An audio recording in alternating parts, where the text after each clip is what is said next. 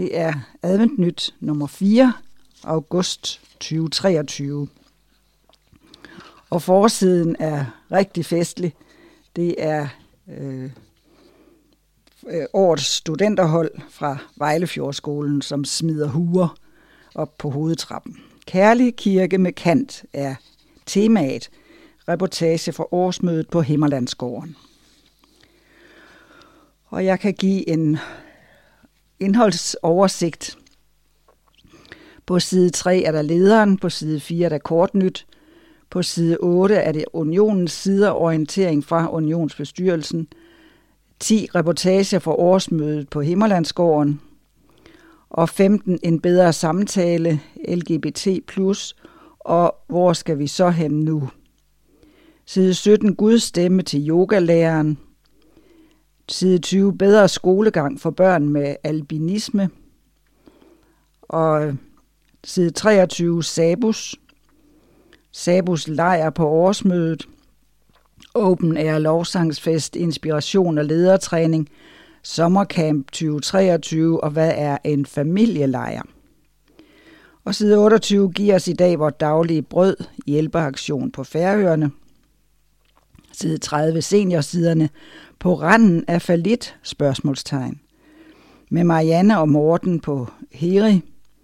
Alle veje fører til Rom. Det var seniorsiderne. Side 34. Vejlefjordskolen i internationalt projekt Future and National Heritage. De kom til Vejlefjord Gymnasium. 37 lykønskninger, 39 annoncer, 41 nekrologer, side 43 kollektor kalender og side 44 bagside klummen, det farisæiske spørgsmål, og så til sidst kommer Adranyt, som i det, i det oprindelige blad er tage ud sider. Side 3. En kærlig kirke med kant. Det er lederen, og det er Holger Daggaard, der er redaktør for Advent Nyt. Mange af os oplevede et årsmøde på Himmerlandsgården, hvor temaet var kærlig kirke med kant. En del har nok spekuleret over, hvad der menes med udtrykket med kant. Betyder det, at vi som kirke skal være mere klare, tydelige med vores budskab, at kærligheden i vores kirke ikke skal være udvandet og intetsigende? I nogle kristne kredse er budskabet om en kærlig Gud blevet så intetsigende, at man mener, at alle mennesker bliver frelst, uanset hvad de tror, og om de overhovedet tror.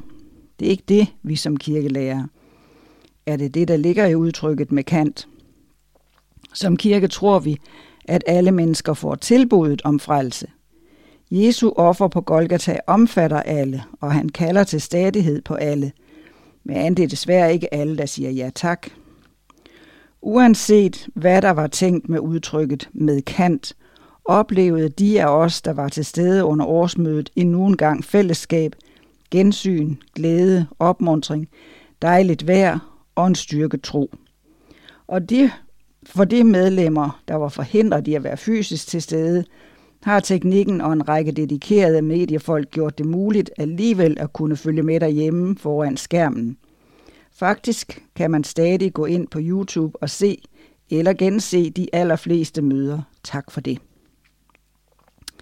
Dette nummer af Adventnyt bærer præg af årsmødet i maj måned, og vi bringer fyldige reportager derfra, som altid bød det på mange og varierede programmer. En vigtig del af årsmødet er de forskellige workshops og kurser, og de blev generelt ikke streamet. Derfor har vi i reportagen her i bladet valgt at sætte et vist fokus på dem, på den måde, at forskellige deltagere er blevet interviewet om, hvad de fik ud af dem. Mange deltagere på årsmødet gav udtryk for, at kurserne næsten er vigtigere end de store fællesprogrammer i mødeteltet – jeg kan kun anbefale de læsere, der endnu ikke har oplevet kurserne, at prioritere dem fremover. Fortsat god sommer.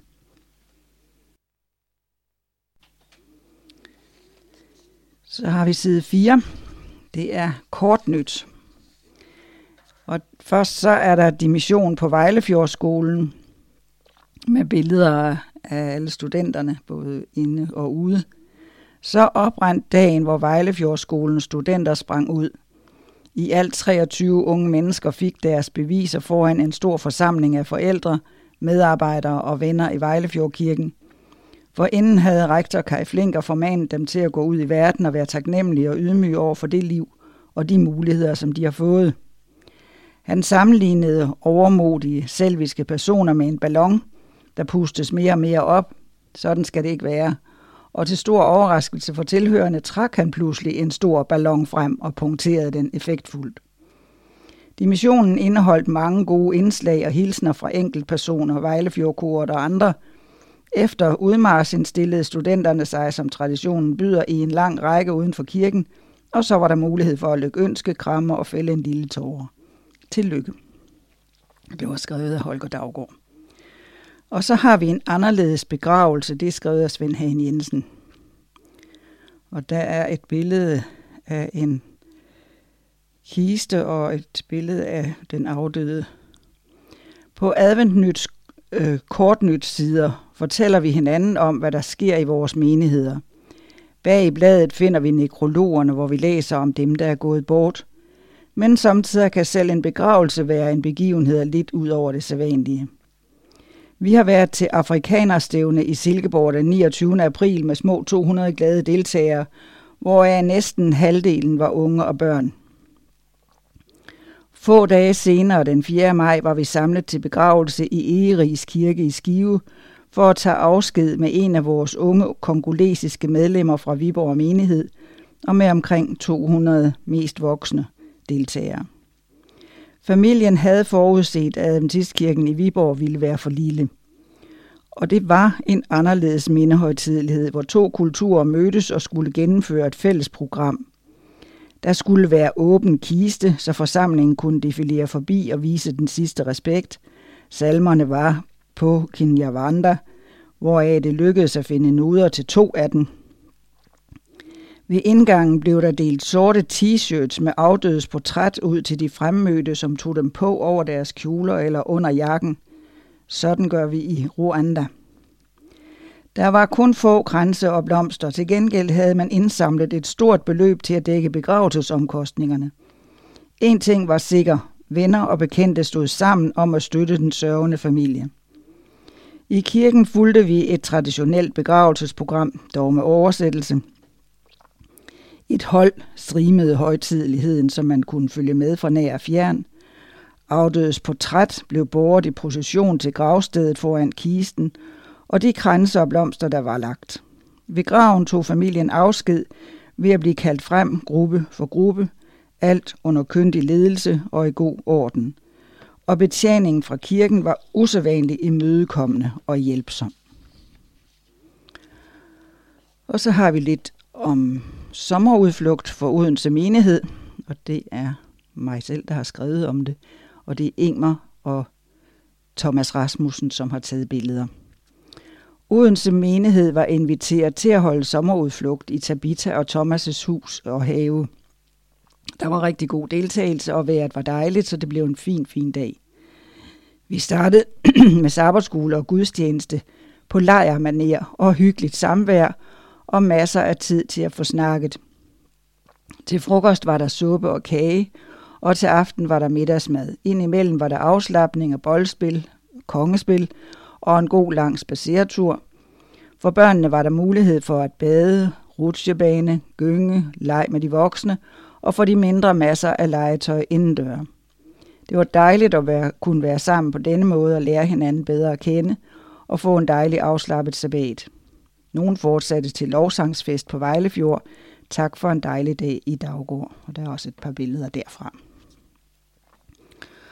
Og så har Holger Daggaard skrevet om udekirke, og det er foto Kim Han Jensen. Sabbaten den 10. juni var planlagt som udekirke for Vejlefjordkirkens medlemmer. Heldigvis var vejret perfekt til dette. Vi begyndte dagen med at mødes under og omkring spidsteltet, hvor vi sang nogle sange sammen. Dagens tema var 12. Og i løbet af formiddagen skulle vi erfare, hvad der lå bag dette tema.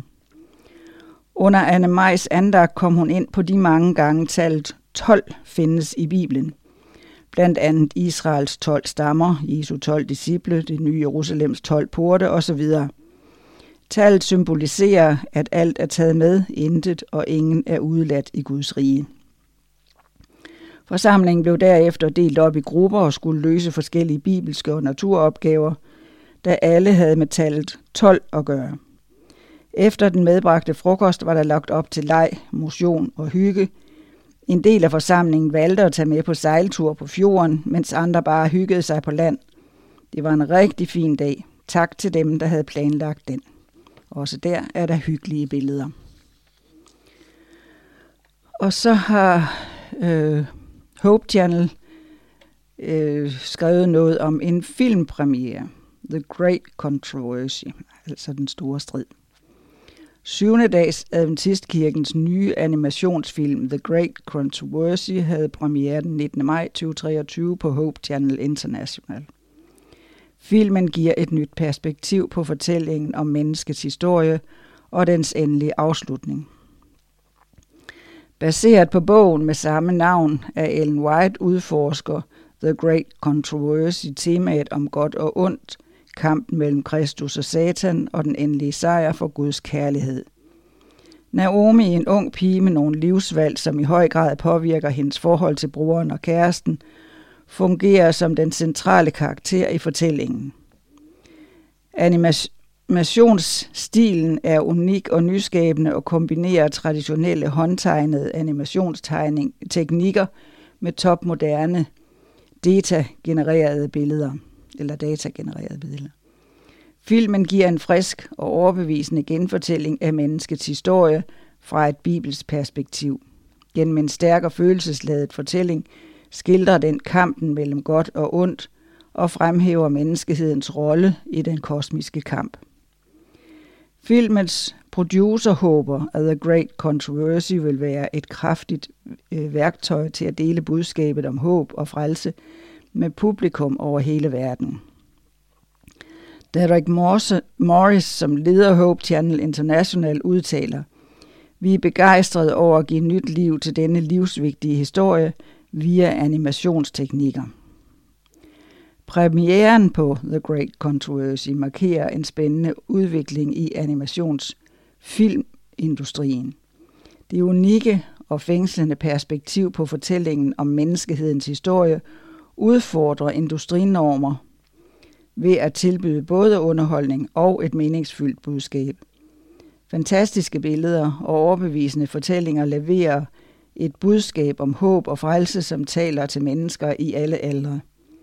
Syvendags Adventistkirken håber, at denne film kan bidrage til at dele budskabet om Guds kærlighed over hele verden. Se filmen på YouTube, søg på The Great Controversy Film. Og så har Paul Birk Petersen skrevet noget om en ny bibelkommentar udkommet på engelsk. Andrews Bible Commentary. Det er nu tilgængeligt i Danmark gennem Paul Birk Petersen. Han har sit eget PBP-forlag. Andrews Bible Commentary er en engelsksproget kommentar til de bibelske bøger, et opslagsværk i to bind – den indeholder 2002 sider med indledning til hvert eneste bibelske bog, samt en gennemgang af bøgerne afsnit for afsnit. En række vanskelige tekster er forklaret i dybden ved hjælp af tilføjede tekstbokse. Hovedfokus er de bibelske bøger, men derudover finder du i værket baggrundsartikler med introduktion til en lang række væsentlige emner. Andrews Bible Commentary er et opslagsværk. Det er ideelt for kirkeledere, for lærere i sabberskolen og for enhver, der interesserer sig for, hvad Gud har åbenbart gennem Bibelen. Værket kan købes for øh, 1100 plus eventuel forsendelse ved henvendelse på mail til paul.petersen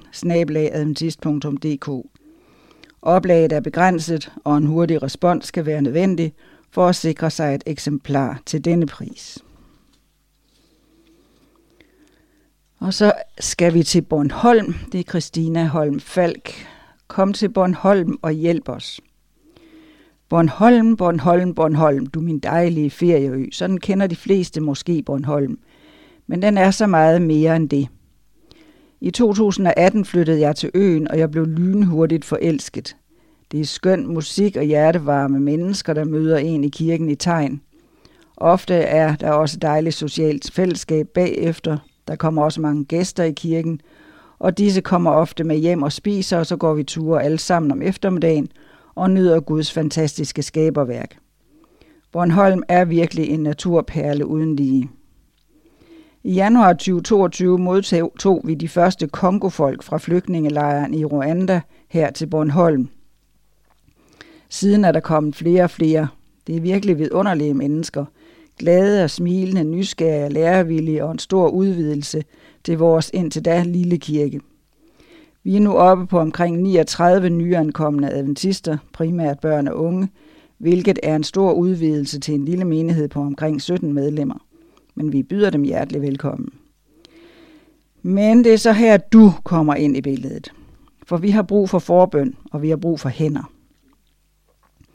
Vi drømmer om, at der er flere familier, par, enlige, der ser lyset i at flytte til Bornholm, for vi kunne virkelig godt bruge flere varme hænder til at være med til at udvikle vores nye kirke med den gængse menighed, som har mange ældre. Og den nye menighed med nu rigtig, rigtig mange børn og unge. Det er en vigtig missionsopgave, som ligger for os her, men kun få, men meget villige og arbejdsomme hænder til at løfte opgaven – og ingen lokal præst og de mange muligheder, der ligger for os, så ønsker vi først og fremmest, at I vil bede for os i denne mission om, hvordan man griber en sådan mulighed og opgave og velsignelse an. Vi håber, at Gud vil vise os vejen, og indtil da hygger vi os sammen med de søde, smilende folk, trods sprog, sprogbarrieren. Men heldigvis er musik universel, og den elsker vi og nyder at dele sammen, mens vi synger af hjertens lyst på hver vores sprog. Samtidig håber vi også, at der måske sidder nogen derude lige nu og her og læser dette, og mærker et Guds kald til at komme til Bornholm. Måske nogen, der trænger til at komme ud af storbyens travle liv over til et sted med mere ro og nærvær. Vi ligger jo kun en smuttur væk. 119 kroner fra København til Bornholm, det er der ingen sag. Jeg har ikke et øjeblik fortrudt min flytning til denne pragtfulde ø og min nye dejlige menighed. Jeg håber, at der sidder andre derude, som også må få den oplevelse. Indtil da håber jeg, I vil bede for os her på Bornholm. Så er vi nået til side 8. Orientering fra Unionsbestyrelsen. Og det er personale nyt. En af vores store udfordringer i disse år er at finde kvalificerede medarbejdere. Det er derfor en stor glæde at kunne byde velkommen til nogle nye ansigter på holdet. Lasse Flinker er blevet ansat som bibelarbejder og skal arbejde med mission og evangelisk arbejde i hele landet. Lasse er nu ansat på halv tid og har desuden indgået en samarbejdsaftale med Unionen om, at han kan bruge sin resterende arbejdstid i sit eget ministry med missionsprojekter til gavn for Adventistkirken. Han har de seneste år brugt sin fulde tid på mission, men med denne aftale er der nu et mere formaliseret samarbejde. Inger Kjærsteinsdottir har i nogen tid følt et kald til at blive præst. Efter en vurderingsproces har unionsbestyrelsen besluttet at ansætte hende som prædikant. Hun vil være tilknyttet nærmenighed på 75 procents tid og den internationale menighed på Svanevej, ICC, på 25 procent. Det første år vil hun få mulighed for at prøve arbejdet som præst af sammen med mere erfarne kolleger og med et introforløb under prædikantafdelingen. Planen er, at hun begynder deltids teologistudier på Newbold fra sommeren 2024. Alex Galindo, der hidtil har været ansat på 50% som præst for ICC, vil forøge sin øh, ansættelsesgrad til 75 procent og få udvidet sit ansvar til at omfatte Adventistkirken København på Suomisvej. Dermed bliver den samlede præstebemanding i Store København styrket. Mateus da Silva vender fra 1. september 2023 tilbage efter et års årlov i Brasilien. Han vil blive placeret i Aarhus og lede ud i missionsarbejde i byen. Det er forhåbningen, at der kan arbejdes med nye projekter i landets næststørste by. Emily Kay, eller Macy, er blevet ansat og skal bruge det meste af sin tid med fokus på teenager under Sabus og 25 procent af sin tid på unge i København. Hun fungerede i 2017 til 2019 som ungdomspræst på Vejlefjordskolen og har derfor et bredt netværk blandt unge i Danmark. Hun er fra Australien, men mestrer det danske sprog. Hun afløser Jonas og Mikkel Jalving, som har gjort en stor indsats i arbejdet for teenager de senere år. På Bornholm, hvor der er en stor gruppe med Kinyarwanda som modersmål, vil Møjse Munyanega Nesa give 6-12 måneder som volontør for at hjælpe med integration i menighedslivet. I Nordjylland vil arbejdet med børn og unge blive styrket i det Zacharias Bindesbøl og Nathaniel Jacobsen giver et år for herren som volontører i Sabus. Sandy Flinker begynder i en deltidsstilling i Nærum i økonomiafdelingen, som har været underbemandet siden nytår. Bjørn Johansen vil fra 1. september hjælpe med koordinering af arbejdet i sabberskoleafdelingen. Vi ser desuden farvel til to volontører, som begge har givet et år for herren. Det drejer sig om Jakob Falk hos Spejderne og Rebecca Lundqvist i medieafdelingen. Ligeledes slutter Rasmus Hauer, der har været bibelarbejder det seneste år i Nordjylland, og Line Nesgaard, der har arbejdet i medieafdelingen. Og der er billeder af alle de omtalte her. Men på næste side så står der om mere nyt. Grønland. I flere år har unionen haft en dialog med Adventist Frontier Mission AFM om muligheden for at sende et missionærpar til Grønland. Dette er nu blevet mere konkret i det, man har identificeret et par. Det drejer sig om Beryl og Joseph Nyam Vange, der bor i Danmark og er aktive i ICC, altså den internationale menighed i København. De er i gang med at fundraise til deres løn via AFM. Når der er samlet tilstrækkelige midler, forventes det, at de kan rejse til Grønland. Foreningen Åndsfrihed. Unionsbestyrelsen har besluttet, at Adventistkirken kan træde ind i støttekredsen til foreningen Åndsfrihed, som arbejder for at fremme åndsfriheden i Danmark herunder religionsfriheden – dette engagement vil blive evalueret årligt af bestyrelsen i forbindelse med årsrapporten fra afdelingen for religionsfrihed. LGBT plus udvalg. Unionen har nedsat et udvalg, som skal rådgive og komme med anbefalinger til bestyrelsen på dette område. Der er fokus på at føre en bedre samtale om dette og styrke omsorgen. Udvalget har givet anbefalinger om materiale og ressourcer – der kan stilles til rådighed og har stået for en meget velbesøgt workshop på årsmødet. Det står, kommer der mere om på side 15. Udvalget er blevet bedt om fortsat at stå til rådighed for at rådgive bestyrelsen. Og strukturudvalg. I forlængelse af generalforsamlingen 2021 nedsatte unionsbestyrelsen et strukturudvalg, som skulle komme med anbefalinger til bestyrelsen om, hvordan der kan arbejdes videre med de resolutioner om strukturen, der blev vedtaget af generalforsamlingen. Strukturudvalget har afsluttet sit arbejde og har givet bestyrelsen en række anbefalinger til, hvordan der kan arbejdes videre med resolutionerne. På baggrund af disse anbefalinger har unionsbestyrelsen bedt vedtægtsudvalget arbejde med forslag til en ændret valgprocedure. Desuden har bestyrelsen bedt unionens ledelse rådføre sig med divisionen om, hvordan de resterende dele af generalforsamlingens ønske om strukturændringer kan gennemføres inden for rammerne af vores internationale organisationsstruktur. Økonomi.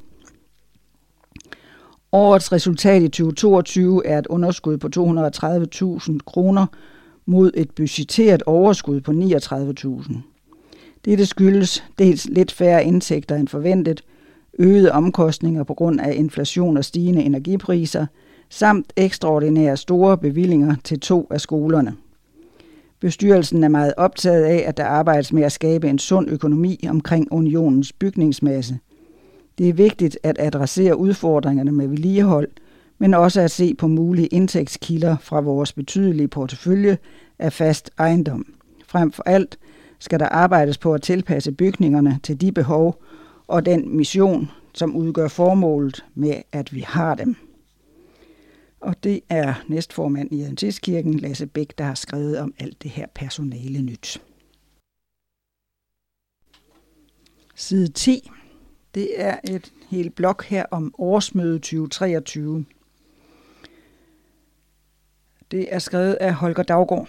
Flot solskinsvær, glade mennesker og dejligt fællesskab. Endnu en gang samledes danske adventister til årsmøde på Himmerlandsgården. På de følgende sider kan du læse korte glimt og indtryk fra et årsmøde, der sent bliver glemt. Og så er der en hel masse billeder, som er taget af Jens Morten Øster, Michael Lundqvist, Per Ejl Struksnes, Kasper Struksnes og Holger Daggaard. Præsentation af temaet Kærlig kirke med kant. Det første møde torsdag formiddag var en fin intro til årsmødets tema. Tre personer havde på forhånd fået en udfordring og en bibeltekst om kærlighed. Efter tur udrullede de, hvilke tanker de havde gjort sig om teksten, set i relation til årets tema. Vi kender den kærlighed, Gud har til os. Hvis vi skal være en kærlig fagnende kirke, må vi først være overbevist om, hvem vi er, og at vi er elsket af Gud. Flemming Pedersens pointer var derfor tro på Guds kærlighed til dig. Kærligheden giver frimodighed og fordriver frygt. Du skal elske den fremmede. Marianne Skovgårds oplæg handlede om kærligheden til de fremmede. I en smuk fortælling om at modtage fremmede med kærlighed tog hun os med tilbage til Noomis og Ruts tid – Noomi, der først var fremmed i Moabs land og siden, da hun rejste tilbage til Israels land og tog sin svigerdatter Rut med, blev det Rut, der var den fremmede. Tankevækkende, at Rut og Boas begge blev stamforældre til Jesus. Kærlighed som grundsten. Andreas Møller tog udgangspunkt i beretningen om Lazarus' død. Da Jesus af søstrene blev spurgt om, hvorfor Lazarus skulle dø, sagde han intet. Han græd Jesus var sammen med mennesker og tog del i deres sorger og glæder. Elsk jeres fjender, sagde han. Han udfordrede dem til et liv vendt på hovedet, hvor kærligheden er grundstenen. Til disciplene sagde han, som jeg har elsket jer, skal I elske hinanden. De tre oplæg blev efterfulgt af en fælles samtale om, hvordan vi er en kærlig kirke med kant. Og årsmødets hovedtaler var Ty Gibson, som er en meget benyttet taler fra Storyline Adventist Church i Oregon i USA. Han er en passioneret formidler med et budskab, der åbner sind og bevæger hjerter. Hans undervisning understreger Guds aldrig svigtende kærlighed som det centrale tema i Bibelen, og netop derfor passede valget af ham som årets hovedtaler så fint ind med årsmødets tema, Kærlig kirke med kant. I det følgende kan du læse et sammendrag af Ty Gibsons prædiken Sabbats formiddag med titlen Evangeliets kraftfulde formel. Jeg elskede min bedstemor for mange ting, ikke mindst for hendes uforlignelige pandekager. Om morgenen, når vi besøgte hende, vågnede vi op til den dejlige duft af pandekager. Hun kunne lave alle mulige farver og former, og jeg ville altid gerne have en form som en delfin – hun var en vidunderlig bedstemor, og uanset hvor jeg var henne i verden, er henne i verden og oplever duften af pandekager, minder den mig om hende. Jesus havde en lignende oplevelse. I Matteus evangeliet 26 læser vi, at Jesus er sammen med sine disciple, og her fortæller han dem, at han om to dage skal korsfæstes. Når vi læser videre, kan vi se, at de ingenting siger til det. De benægter det. De har tidligere sagt til Jesus, at det aldrig måtte ske. Men nu gentager Jesus det for dem. De siger ingenting, for de forstår det ikke og tror ikke rigtigt på det. Prøv at forestille dig Jesus, der nu er på vej sammen med sine disciple. På samme tid læser vi kapitlet om ypperste præsterne og de ældste, og de, at de diskuterer, hvad de skal gøre med Jesus, og de bliver enige om, at han skal dræbes. Dog ikke under påskefesten, som er lige op over. Det vil skabe for meget uro blandt folket, vurderer de. De bliver enige om at gribe ham med list på et passende tidspunkt. Her møder vi meget religiøse mennesker, der holder sabbaten og mange andre ting, og de planlægger at slå Gud ihjel. Beretningen fortsætter, og vi vender tilbage til Jesus og finder ud af, hvor han er på vej hen. Og da Jesus var i Betania i Simon den Spedalskes hus, Det står i vers 6. Der er en sammenligning her. Simon var farisæer, og Jesus havde helbredt ham tidligere. Nu ville han holde en fest til ære for Jesus og havde inviteret ham og hans disciple sammen med andre betydningsfulde personer. Vel ankommen til festen oplever Jesus og hans disciple snak og latter og god mad og festlig musik, og Jesus er æresgæsten. Og pludselig sker dette. En kvinde kom hen til ham med en alabastkrukke fuld af meget kostbar olie og hældte den ud over hans hoved, mens han sad til bords. I vers 7. Hvad må der skete i rummet? Fuldstændig stillhed. Alle er stille. De ser hende. De ved, hvem hun er. Det gør de alle sammen. Især Simon ved, hvem hun er, for han, en religiøs leder, af den mand, der har seksuelt misbrugt denne unge kvinde og fyldt hende med et sådan skam, at hun har givet op i fortvivlelse. Nu har hun i adskillige år levet som prostitueret, og hun er ikke inviteret til festen.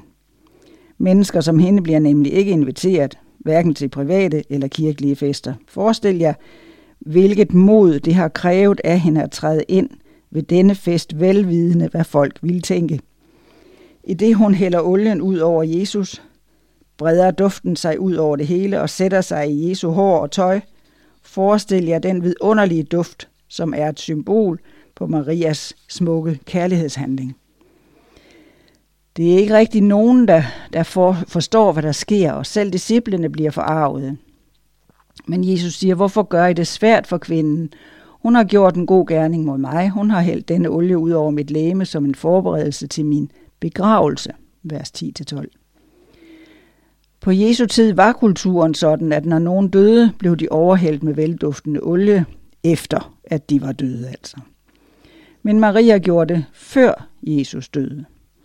Hendes oprindelige tanke var, ifølge Ellen White, at salve ham, når han var død, men hun besluttede at gøre det inden for, øh, inden for at vise ham sin kærlighed. Maria var måske den eneste, der troede Jesus på hans ord, at han skulle dø. Og hun sagde med salvelsen, jeg tror på dig, og jeg elsker dig. Da Jesus få dage senere skulle gennemgå lidelser og dø på korset, bar han med velduften mindet med sig om den kærlighedsgerning, Maria havde vist. Forestil jer Jesus i salen ovenpå, hvor han fortæller, at en af disciplene ville forråde ham. Forfærdeligt. Men så tager han en indånding, dufter Maria salve og tænker, men Maria elsker mig. Forestil jer Jesus i Gethsemane have, hvor han kæmper med Gud og er helt alene. Disciplene sover, men så dufter han igen salven og husker, at Maria elsker ham. Da han bliver fanget, kan han stadig dufte salven, som minder ham om Marias kærlighed. Og da han til sidst hænger på korset i smerte og ser ud over forsamlingen, der håner ham, og disciplen, der har forladt ham, har han stadig kunnet dufte salven.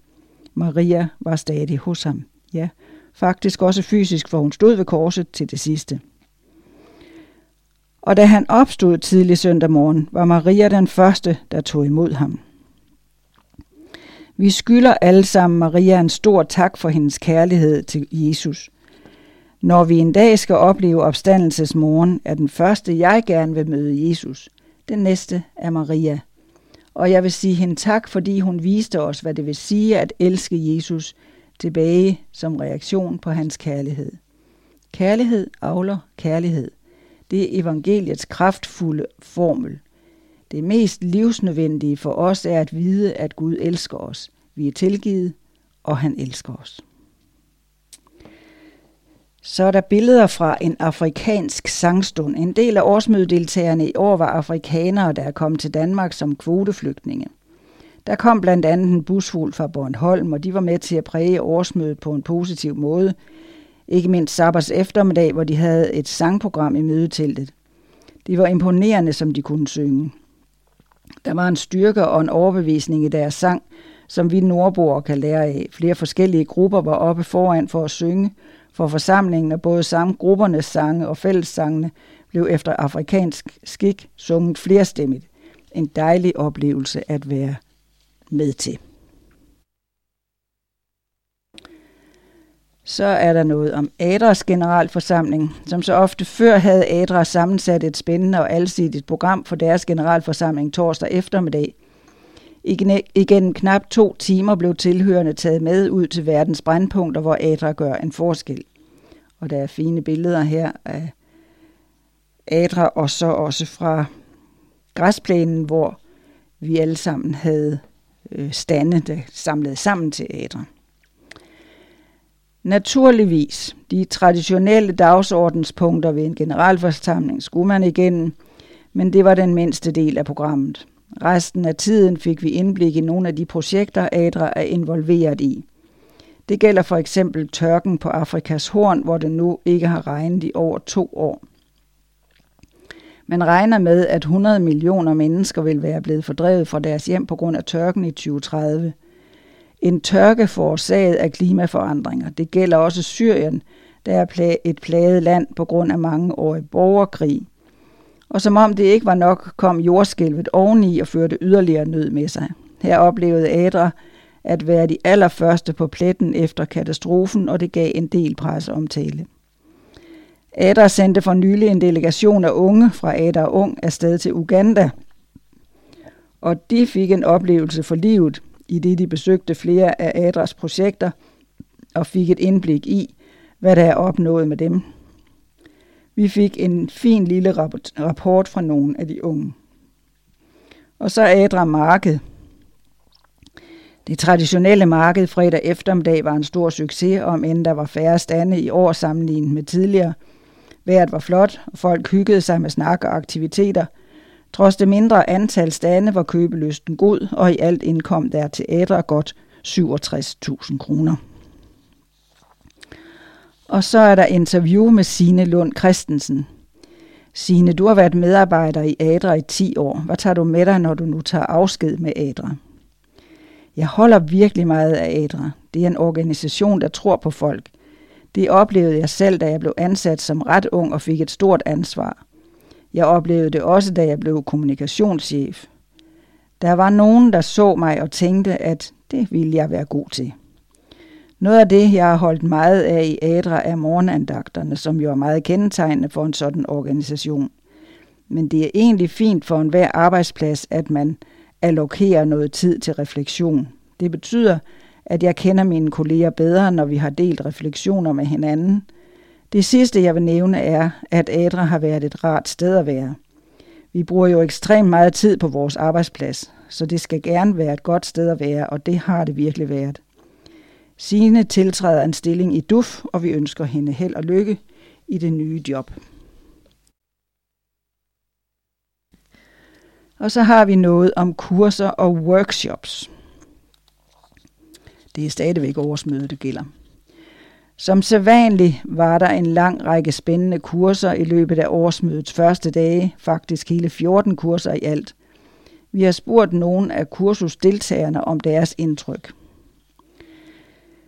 At følge Jesus i en tid, hvor man tæller følgere ved Anne-Marie Møller, var et af kurserne.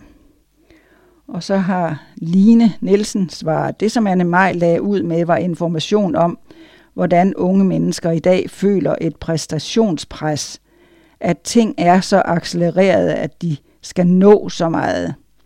De får at vide, at de skal finde deres egen identitet, og det kan være svært. Hun opsummerede ved at give os 12 ord, hvor til der var knyttet skrifteder. Fokus er på, hvem jeg er. For eksempel, jeg er kendt af Gud. Jeg er aldrig alene. Jeg er tryg. Jeg er noget særligt. Jeg er elsket. Til hvert udsagn var knyttet et skrifted, der underbygger udsagnet. Det handler derfor om at se sig selv, som Gud ser en. Et af de lidt mere vanskelige udsagn var, jeg er syndig. Og hertil var knyttet skriftet fra Romerne 3:23, alle har syndet og har mistet herligheden fra Gud. Så det handler om at indse, at vi også kan være skrøbelige, men at Gud elsker os alligevel. Og så havde Torben Rasmussen en lignelser skal opleves. Og det er Lilian Jensen, som har svaret. Det var en rigtig fin workshop, der handlede om, hvordan vi bedre forstår åndelige sandheder, når vi får en praktisk illustration om dem. Torben begyndte med historien om Abraham, der skulle ofre Isak, og vi nåede frem til, at det, som Abraham fik en fuld forståelse af, var det offer, som Gud bragte, da Jesus senere skulle dø på korset. En anden historie var den om Jonas, der flygtede fra sin opgave og sidenhen alligevel gjorde, hvad han blev bedt om. Da han sad og ventede på Nineves ødelæggelse, oplevede han planten, der voksede op og gav ham skygge, men senere visnede, så han blev eddikesur. På den måde kunne Gud pludselig nå ham og få ham til at forstå, hvorfor han skånede Nineve. En tredje lignelse var det om talenterne, og der brugte Torben eksempler. Han kaldte en person op og lovede ham 20 kroner, hvis han kunne save en lille træstamme over. Det gjorde han og fik sine 20 kroner. Så kaldte han en mere op, som også blev lovet 20 kroner, hvis han kunne knække en lille tynd gren. Det illustrerede lignelsen ganske godt. Det var en fin illustration. Så havde Torben Rasmussen noget med nadver som sakramente. Og det er Maja Nielsen, der siger det. Det var en fin workshop, som viste en åbenhed for muligheder, at der måske er andre måder at tænke nadver på, ikke mindst ved at gå tilbage til rødderne. Hvad er egentlig oprindelsen til nadveren, og hvorfor gør vi det, vi gør? Er det alternative fortolkninger til den måde, vi holder nadver på? Det satte nogle tanker i gang. Og Paul Birk Petersen havde tre kurser. Bibelmanuskripter, bibeloversættelser samt den apostolske menighed. Og det er Leif Hansen, som har sagt noget om det.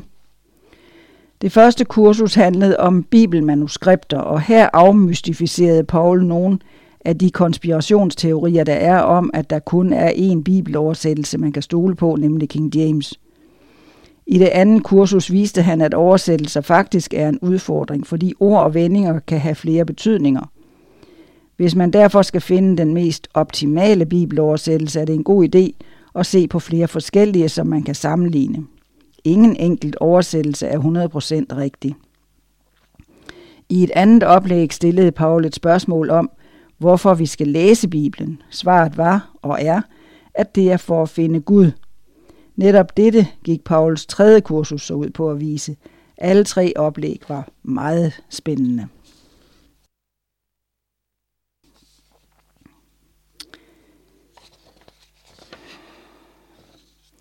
Og så har vi øh, midt i lejren, møder jeg til min store overraskelse Macy.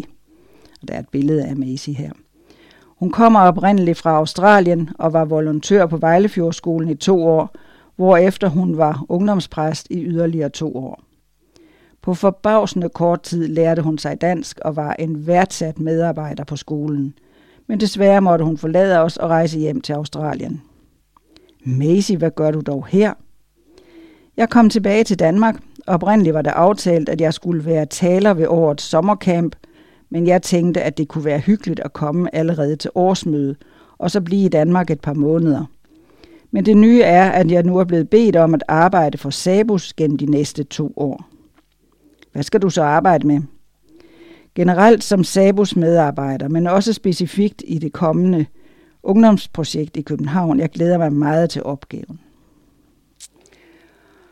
Og så er der noget med en bedre samtale, LGBT+, og hvor skal vi så hen nu? Det er Rene Bistrup, som er præst for Vejle Menighed og Vejlefjordskolen.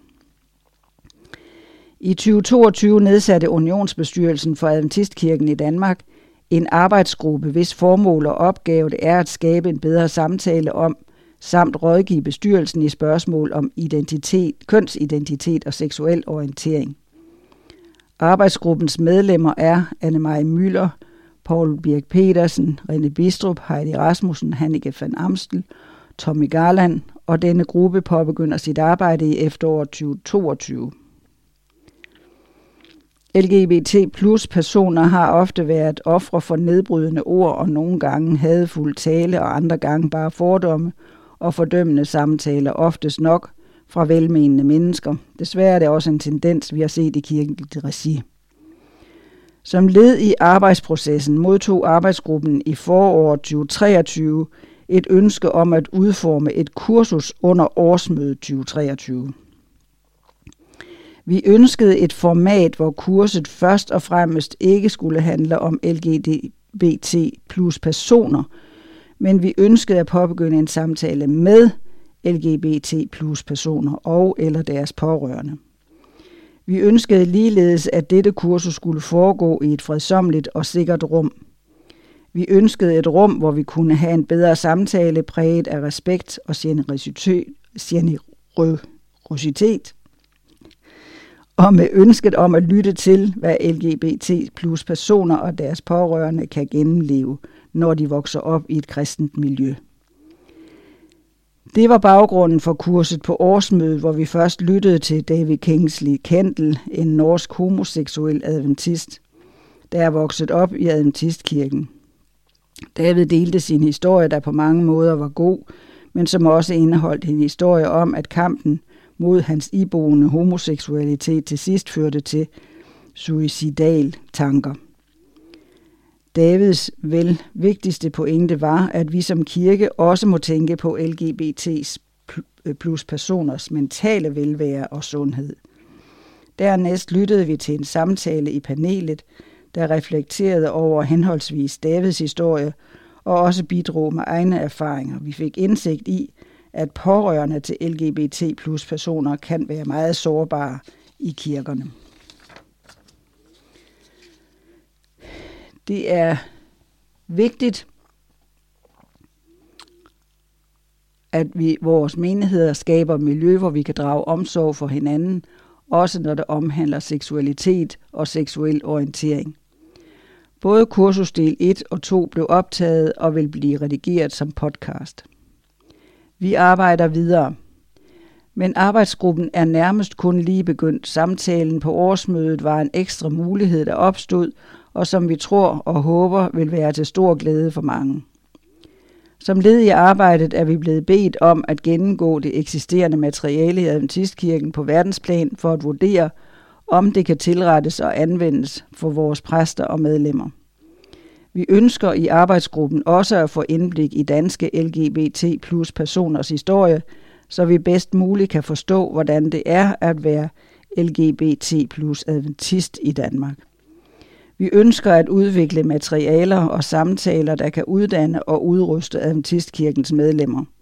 Det ønsker vi, fordi vi tror, vi er allerbedst som adventister, når vi møder vores medmennesker, uanset køn, religiøsitet, etnicitet og seksualitet – med menneskelighed, medfølelse og næstekærlighed efter Kristi metode.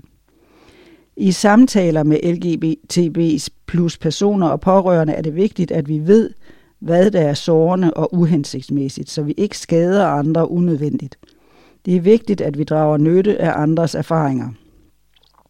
Det er det, vi tog hul på i forbindelse med årsmødet, og det er i den retning, vi fortsat vil arbejde. Arbejdsgruppen vil i den kommende tid inddrage input fra pårørende og LGBT plus personer og andre. Og de, man kan kontakte os, I er meget velkommen til at kontakte os enten på anne-maj.muller eller rené.bistrup eller på arbejdsgruppens mail kontakt.lgbt snabelagadventist.dk.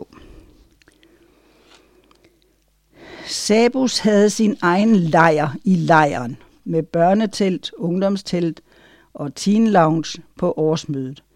Og det kommer der mere om på side 23. Men der er billeder her fra det. Side 17. Guds stemme til yogalæreren. Første kirkebesøg var en katastrofe. Det er Thor Tjerrensen, som er leder af Tiskirkens medieafdeling i Norge, som har skrevet det her. Josefina Freilich levede på ingen måde som kristen. Hun drak både alkohol og afprøvede has. Desuden var hun konstant involveret i forhold præget af New Age-filosofi. Men jeg voksede op i et kristent hjem, så jeg er kristen, forsøgte hun at sige til sig selv. Sandheden var, at hun var omgivet af New Age impulser fra alle sider og gled længere og længere væk fra Gud. Allerede som 16-årig øh, flyttede hun hjemmefra. Josefina voksede op i Gjøvik. Hendes forældre var fra Bosnien, og som barn fulgte hun med sine forældre til den katolske kirke hver søndag. Derhjemme lavede hun tegninger til Gud. Du kan se på den, Gud, mens jeg sover, tænkte den lille pige. Men som teenager kom troen på afstand. Det var noget helt andet, der fangede Josefinas opmærksomhed, nemlig dans. Josefinas store drøm var at gøre karriere som moderne danser. I en alder af 18 rejste hun fra Norge til Danmark for at specialisere sig i dans. Det var dog ikke nok for hende. Efter kun et år i Danmark tog hun til Tyskland for at tage en professionel uddannelse i moderne dans ved et studie i Hamburg. Hun levede et liv, der var radikalt anderledes end det liv, hendes forældre havde opdraget hende til. Med knaldrødt hår og piercinger i både næse og ører sendte hun et klart signal til omverdenen om, at hun gjorde oprør mod de værdier, hun kendte hjemmefra. Fra hovedtelefonerne tordnede punkrocken uophørligt. Hun tænkte ikke meget over, hvor stærk New Age-idéerne formede hendes liv, men der var tidspunkter, hvor hun var bange for sine okulte oplevelser. Når hun dyrkede dyb meditation, blev hun virkelig bange for det onde øje, hun så stirre på hende, når hun lukkede øjnene. Bagefter turde hun næsten ikke lukke sine øjne, for onde øjne blev ved med at dukke op for hendes indre. Indre uro. Josefina kæmpede med angst og bare på en indre uro, hun ikke vidste, hvor kom fra. Da hun tog sig tid til at tænke over, hvordan hendes liv var, indså hun, at der var mange ting, der ikke var gode. Men jeg er kristen, sagde hun til sig selv. Og det lille sølvkår dinglede fra en kæde om hendes hals. Hun var ikke overbevist af sit eget forsøg på at forsikre sig selv om, at hun var kristen. Tværtimod havde hun nogle gange en vag følelse af, at Gud forsøgte at få hende tilbage til ham. Få hendes liv på rette kurs. En dag, da hun var på vej hjem, tænkte hun, det jeg gør er ikke godt. Ikke desto mindre fortsatte hun en livsstil på kollektionskurs med kristne værdier. Hendes karriere og kampen for at overleve som kunstner tog det meste af energien. Hun havde boet i Berlin siden 2019. Der arbejdede hun som freelance danser, men indkomsten var for lille og usikker, så hun måtte tage forskellige andre jobs som butiksekspedient og servitrice på restauranter. Drømmen blev et wake-up call – en sommernat drømte Josefina, at hun stod på en smuk hvid sandstrand, en tropisk idyl, og i drømmen opdagede hun pludselig en figur i en hvid kappe med et bælte om livet. Hun så ikke personens ansigt, men indså, at det var Jesus. Må jeg komme med dig, spurgte hun i drømmen, og Jesus rakte hånden ud og svarede ja. Sammen passerede de gennem det krystalklare vand med stor hastighed. Josefine fik et, en euforisk følelse af lukke, Lykke, det var som at være i himlen. Men pludselig stoppede det bræt for hende. Men Jesus gik videre. Hun kunne ikke være med. Pludselig blev vandet koldere og blev til mørkt mudder. Rundt omkring sig så hun døde mennesker. Hun genkendte dem alle. Der var dansere, hun kendte godt. Panisk svømmede hun tilbage mod land, og så vågnede hun. Drømmen gjorde et stort indtryk på hende, men hun forstod ikke, hvad den skulle betyde. Kære Gud, hvis du vil mig noget, skal du være klar, tænkte hun, og fortsatte sit liv som før. Da coronaepidemien ramte, og Tyskland blev lukket ned, var alle danseopgaver slut. Det dansekompani, hun havde været med til at starte, var arbejdsløse. Hun var nødt til at finde på noget for at tjene penge. Hun havde undervist lidt i yoga og besluttet sig for at tage en uddannelse som certificeret yogalærer. Guds røst. En efterårsdag stod hun på yogamotten og forberedte sig. Rockmusikken tordnede i høretelefonerne, og så hørte hun pludselig Guds stemme. Der var ingen lyd, men hun oplevede, at Gud sagde til hende, du er min, og du er nødt til at stoppe med det, du gør. I lang tid havde hun været irriteret over, at hun ikke havde fået dansejob. Hun var velkvalificeret til. Selvom hun var blandt de bedste ved audition, fik hun ikke opgaverne. Nu var det som om Gud forklarede hende, at årsagen til den manglende succes var, at hun ikke skulle glide endnu længere væk fra Gud. Pludselig så hun hele sit liv i et nyt perspektiv. Det var som om nogen tog de briller af, der havde forvrænget hendes forståelse af, hvad hun lavede. Hun følte sig som en stor sønder. Det var overvældende, og hun begyndte at græde. Oplevelsen med Gud på yogamotten ændrede hendes liv fuldstændigt. Hun indså, at Gud er hendes skaber, at han ønsker, at hun skal have det godt, og at hun er nødt til at ændre meget i sit liv. Hun faldt på knæ i tårer, og pludselig blev hun klar over, at Gud var der. Hun bad om tilgivelse for de dumme valg, hun tidligere havde truffet. Hvad gør jeg nu, tænkte Josefine. En ting stod helt klart for hende. Dansekarrieren havde været det vigtigste i hendes liv, men nu følte hun, at dansen var uforenelig med ønsket om at leve med Gud. Derfor var hun færdig med at danse. Hun måtte finde ud af mere om, hvad Gud ville med hendes liv. Et eller andet sted i sine gemmer havde hun en bibel. Da hun endelig fandt den støvede bog, var det som en stemme sagde, begynd at læse Romerbrevet. Var det et nervøst sammenbrud? Da Josefina fortalte sin kæreste om den stærke oplevelse med Gud, troede han, hun havde fået et nervøst sammenbrud på grund af coronapandemiens belastninger. Han var ateist, og da hun begyndte at tale om, at Jesus ville komme tilbage til jorden en dag, var han sikker på, at hun var blevet skør. Josefina var sulten efter undervisning om Bibelen og troen. I timevis så hun taler på YouTube af kristne prædikanter og begyndte til sidst at rydde op i sit liv. Jeg havde truffet så mange dumme valg i mit liv, at jeg nu spurgte Gud til råds i alle de valg, jeg skulle træffe, husker Josefina. Piercingerne forsvandt. Den naturlige hårfarve vendte tilbage. Hun ryddede skabet for det udfordrende tøj, og det blev tydeligt, at hendes forhold til kæresten ikke kunne fortsætte. Første kirkebesøg var en katastrofe. Den nyomvendte kirke, eller pige forstod, at hun havde brug for hjælp fra en kirke til at udvikle en sund og stærk tro, men hvor skulle hun nu gå hen? Flere år tidligere havde hun hørt sin mor sige noget om, at lørdag var den rigtige hviledag, ikke søndag. Hvor er der nogen, der tilbeder på sabbaten, googlede hun. Hun mente, at den tysktalende adventistkirke ville være det bedste. Hun gjorde sig klar til at tage afsted en lørdag morgen i februar 2022, men der var noget, der holdt hende tilbage, og det skete også den følgende sabbat. Hun googlede igen og besluttede at prøve New Life Adventist Church, en international menighed i Berlin. Den 5. marts 2022 kom hun så i kirke for første gang i 12 år. Hun, hendes hjerte hamrede vildt, da hun stod uden for den røde murstensbygning med Adventgemeinde. Skrevet med store hvide bogstaver hen over indgangen. Hun tog mod til sig og gik ind. Det var en svær oplevelse. Hun blev godt modtaget, men hun skammede sig så meget. Følte sig så uværdig, og når folk stillede hende meget almindelige spørgsmål for at lære hende at kende, blev det meget svært. Hun ville ønske, hun kunne være usynlig.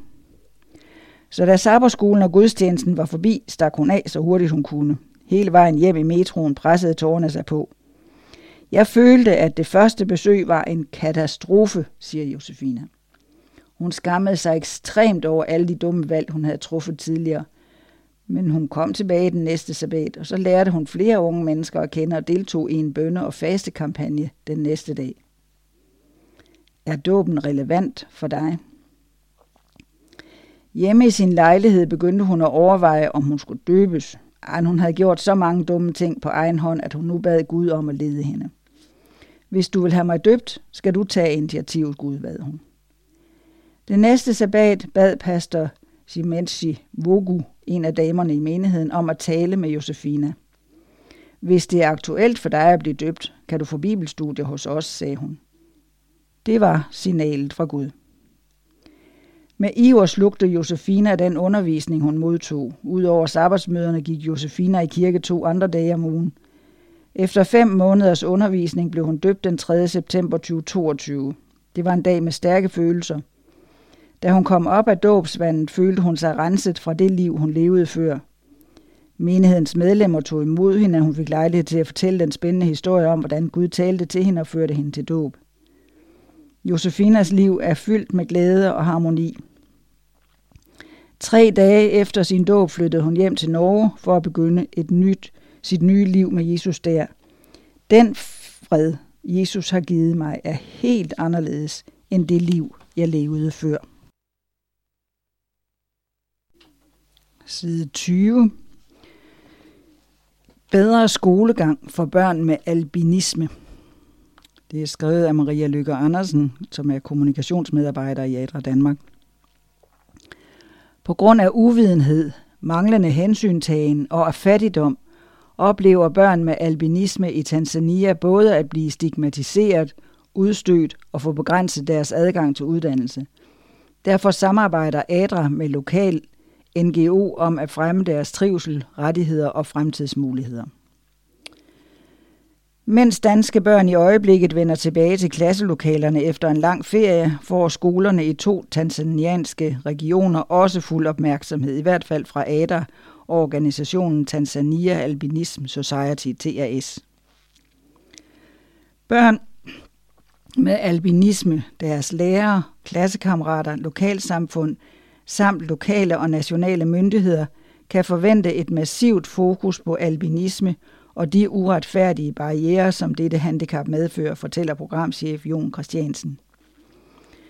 Adra Danmark og Adra Tanzania står i samarbejde med den lokale NGO klar til at bekæmpe fattigdom i de berørte familier, påvirke lovgivning og uddanne lokalsamfund, skoleelever og lærere til at møde børn med albinisme med respekt, forståelse og kærlighed. Projektet retter sig direkte mod 400 børn med albinisme, deres 200 familier samt 10 skoler i regionerne Morogoro og Dodoma i det centrale Tanzania. Den sekundære målgruppe, som bliver berørt af aktiviteterne, er dog langt større. Herunder mindst 7.000 skoleelever og lærere i de to regioner, siger programchefen. Udstødt og mishandlet. Albinisme er arvelig og skyldes manglende pigment i huden. I Tanzania er antallet af børn, der fødes med albinisme, ekstraordinært højt.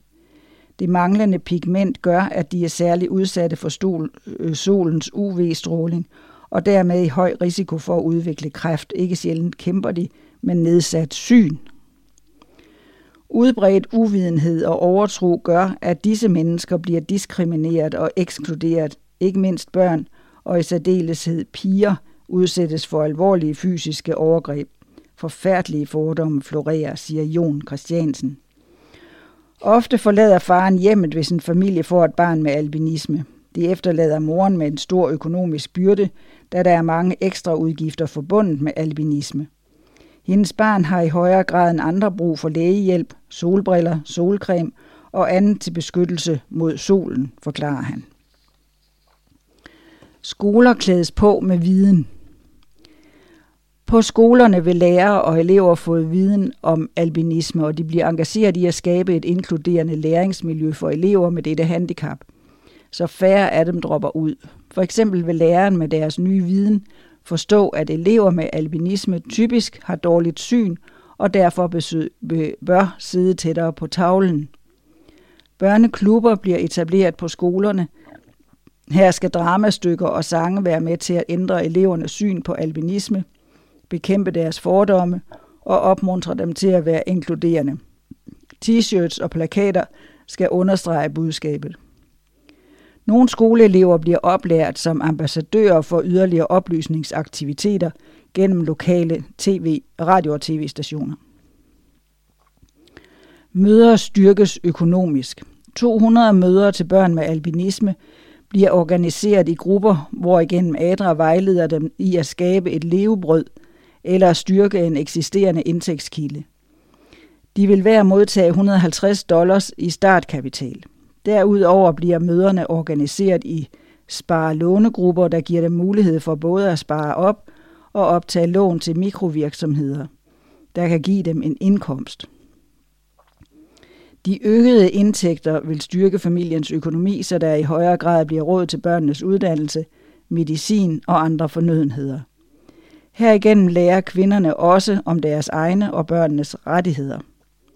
Projektet vil desuden finansiere en sundhedsforsikring i et år for hver af de 400 børn, der indgår i projektet. Målet er dels at sikre adgang til sundhedsbehandling for de pågældende børn, dels at møderne ser fordelene ved en sådan sikkerhed, så de selv fortsætter med forsikringen. Medborgere gøres til fortalere. Udover at støtte fra Danmark gør samarbejdspartneren TAS til en endnu stærkere aktør og fortaler for mennesker med albinisme, lærer møderne også gennem grupperne at tale med deres, deres børns sag over for lokalsamfund og myndigheder. Sammen med TAS vil møderne søge at påvirke lovgivningen, så børn med albinisme for eksempel kan opnå lettere adgang til sundhedsforsikring. Møderne skal sammen med TAS i gang sætte oplysningskampagner i landsbyerne med informationsmøder og opsætning af infoskilte, der gør op med myter og fordomme. Skoleledere og ledere af sundhedsklinikker bliver også involveret i aktiviteterne. Projektet vil afstedkomme mindst to medieproduktioner over seks måneder, samt ugenlige talkshows i både radio og tv. Udover oplysning er målet med denne indsats at påvirke lovgivning. Flere medier har allerede sagt ja til opgaven. Uddannelsesfond støtter, støttet af lokale. Mindst 30 fundraising arrangementer med underholdning og oplysning vil blive afholdt i de to projektområder. Lokale erhvervsdrivende, kirker, moskéer og læreanstalter vil blive inviteret. I den forbindelse vil projektet arbejde for oprettelsen af en uddannelsesfond for børn med albinisme, som skal forvalte de indsamlede midler. Og så er der et udpluk af fordomme, der florerer om albinisme. Og det er fordomme. Mennesker med albinisme er onde og en forbandelse fra Gud. Det vil bringe uheld over hus- husstanden, er der nogen, der tror. Albinisme smitter gennem kontakt med et menneske, der har albinisme, er der nogen, der tror. Albino kropsdele båret som amuletter bringer held og lykke og sundhed. Samleje med en kvinde, der har albinisme, kurerer HIV. At spytte på et menneske med albinisme forhindrer, at børn i egen familie bliver født med det. Det er grotesk. Og så har vi to piger, som har albinisme. Sådan oplever vi vores liv. Pendo Amos er 8 og går i anden klasse. Hun bor med begge sine forældre. Faren er chauffør, og moren passer afgrøderne på familiens jordstykke. Jeg skal altid have kasket og lange ærmer på, og kan ikke gå på opdagelse udenfor i solen, ligesom andre børn. Nabobørnene nægter at lege med mig, andre stiger bare på mig hele tiden. I skolen vil nogle af eleverne ikke samarbejde med mig, og jeg bliver kaldt Mugundu, fremmed på øh, fremmed, altså øh, ord for fremmed på Swahili. Men der findes også børn, der behandler mig godt. Nogle gange kan jeg godt lide at gå i skole, andre gange ikke. Jeg har svært ved at se, hvad der står op på tavlen, og når de andre elever er færdige med at skrive af, visker læreren det bare hurtigt ud, uden at tage hensyn til mig. Derfor klarer jeg mig ikke så godt i skolen. Og så er der en femårig, Dianas Anton Joseph, går i børnehaveklasse og bor alene med sin mor, der er eneforsørger. Faren er formentlig stukket af fra familien og holder ingen kontakt. Jeg må ikke lege udenfor i solen, så jeg plejer at blive inde i vores hus. Min mor vil heller ikke have, at jeg går rundt i byen alene, fordi folk kan kidnappe mig. Nogle af dem fra skolen vil ikke lege med mig og være min ven, og de vil heller ikke dele deres mad med mig, hvis det er noget, jeg skal bide af. Mit helbred er godt, men jeg er ikke god til at se langt. Jeg vil gerne have en uddannelse, så jeg kan hjælpe min mor. Min drøm er at blive en god leder. Og så er der en vigtig besked fra Adra Danmark. De har skiftet bank. Hvis du ønsker at støtte børn som Dianas og Pedro, er Pendo, kan du sende gaven til vores nye bankkonto i Jyske Bank. Registrering 7132, kontonummer 10 19 813. Eller du kan støtte på MobilePay 123 842, og så skriv albinisme ved begge betalingsmetoder. Du kan også klikke ind på www.adra.dk-albinisme. Vores konto i Danske Bank bliver lukket med udgangen af 2023, så husk at flytte eventuelle faste overførsler til den nye konto i Jyske Bank. Alle betalingsserviceaftaler bliver automatisk flyttet, så her behøver du ikke at foretage dig noget. Side 23, så er vi nået til Sabus område, eller siderne. Sabus lejr på årsmødet, og det er Dorte Tyrgud Svendsen, der har skrevet det, og Dorte og Kasper Struksnes, der har taget billeder. Plejer blev sat ud af spillet på Sabus' årsmøde i år i hvert fald på indretningssiden. Indretning og placering af flere børneaktiviteter og hele spejder- og ungdomsområdet var flyttet til nye omgivelser, dog stadig på skønne, smukke Himmerlandsgården. Børneområdet. I år fik vi flyttet flere af børneaktiviteterne til samme sted og fik skabt et samlet børneområde med børneteltet, hoppepude, verdens største sandkasse, gynger og et nyt hænge ud sted for forældre med overdækket bord- og bænkesæt. Det var dejligt med et trygt og bilfrit område for vores yngste. Vi havde også premiere på et storebørns event, kun for de 11-12-årige, som snart er for store til øh, børneområdet. En spændende hemmelig aftenaktivitet samt et besøg i Teen Især rundvisning i Teenlauten, var vigtigt, så de nu 12-årige føler sig bedre rustet til næste år. Hvor de skal derover. Det er fantastisk at kunne forbedre og udvide tilbuddet til vores skønne børn, så de føler sig endnu mere som en del af en kærlig kirke med plads og rum til dem. Ungdomstorv. Hvad laver en tom campingvogn på ungdomspladsen?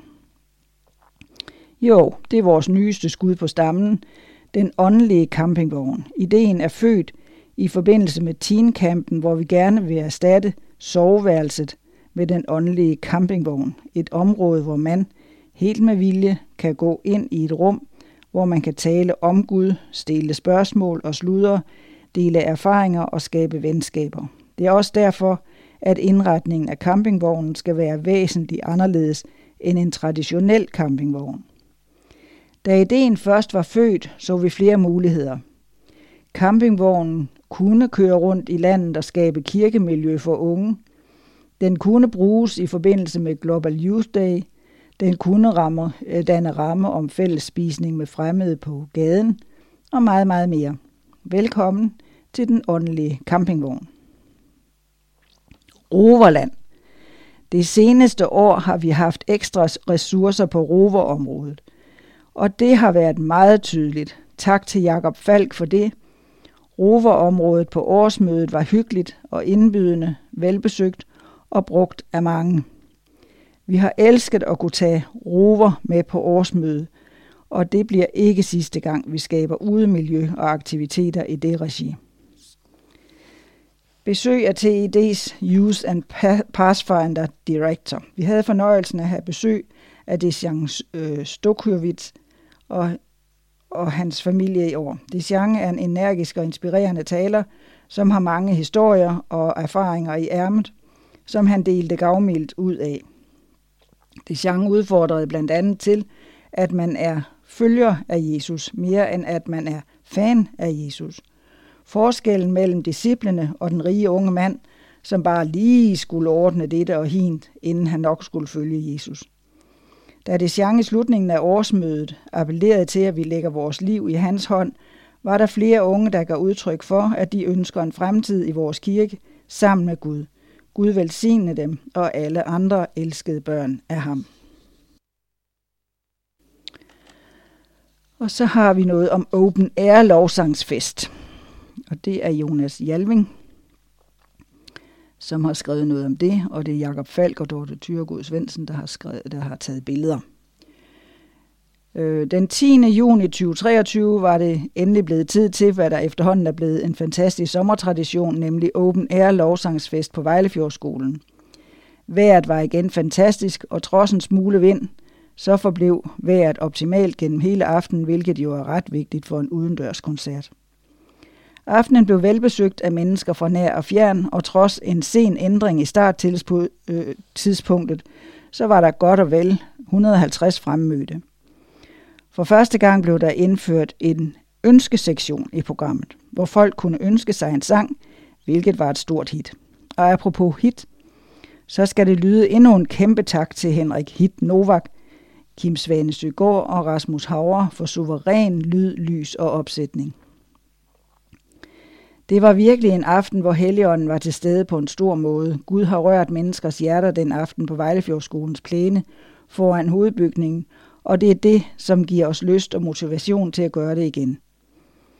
Og det skal vi så også.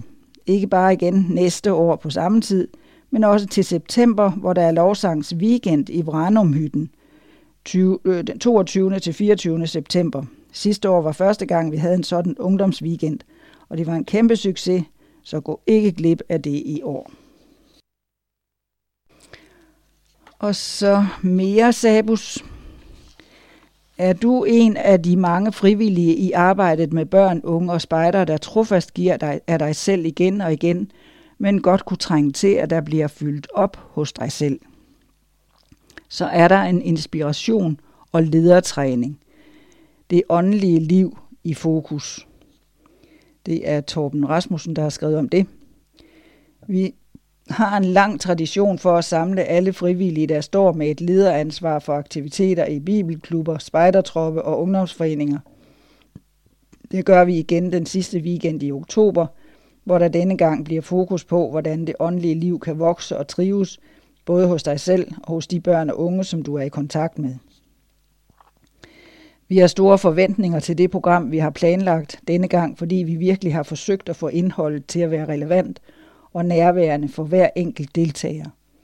Det vil vi gøre ved at sætte fokus på, at vi ikke kan gøre noget øh, videre, der ikke er en del af os selv, der kan give noget videre.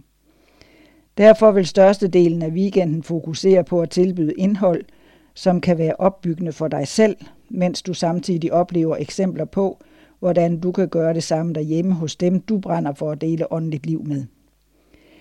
Gennem samtale, lovsang, oplevelser og børn og bøn håber vi, at denne weekend på en særlig måde vil kunne løfte kvaliteten af det arbejde, der bliver gjort i hele landet for de børn og unge, som er i kontakt med kirkens aktiviteter på alle niveauer.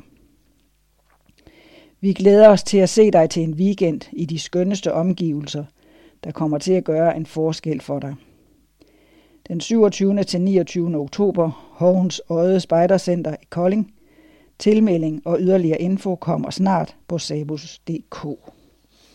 Og der er simpelthen en annonce her for dig, der har med børn og unge at gøre, eller drømmer om at have det. Inspiration og ledertræning Hovens Øde, 27. til 29. oktober. Åndeligt lederskab, åndelig udvikling i hverdagen. Hvordan får du fyldt på, så du kan give videre af Guds kærlighed, at hjælpe børn og unge frem i deres åndelige vandring. Hvordan snakker vi om åndelighed? Andagter og gudstjenester, hvordan tilrettelægger vi fortsat inspirerende? Øh, lovsang, hvordan er lovsang bevidst tilbedelse og åndelighed? Læs mere om undervisere og oplægsholdere om højen og Hovens øje og om tilmelding og priser på sabus.dk. Ja. Og så er der noget om sommercamp 2023. Og det er Anne Maj Møller, der har skrevet om det, og foto Linnea Christiansen. Hvorfor? Hvordan?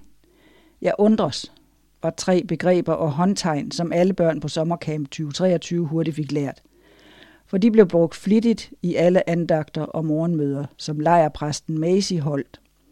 Hun fangede børnene med sit engagement, sine smil og sine fortællinger om alt det spændende Gud har skabt, vi kan gå på opdagelse i. Og så fortalte hun gerne om de oplevelser, som hun har med sin ven Jesus. Hver aften fik børnene svar på nogle af deres mange spørgsmål om alt mellem himmel og jord, når forskellige af lederne svarede på de sædler, som børnene lagde i The Wonderbox. Børnene fik virkelig noget at spekulere over, og de fik rigtig mange anledninger til at opleve Guds storhed, og at han gerne vil være deres ven for livet. I år var et helt særligt år på sommercamp, for vi havde så mange børn tilmeldt, at vi slet ikke havde værelser nok. Flere af mødelokalerne fik madrasser på gulvene, og vi blev nødt til at sætte børneteltet op igen, så de over 100 børn kunne være der, og alle lederne. Og nu jeg nævner ned lederne, sikke et team vi havde.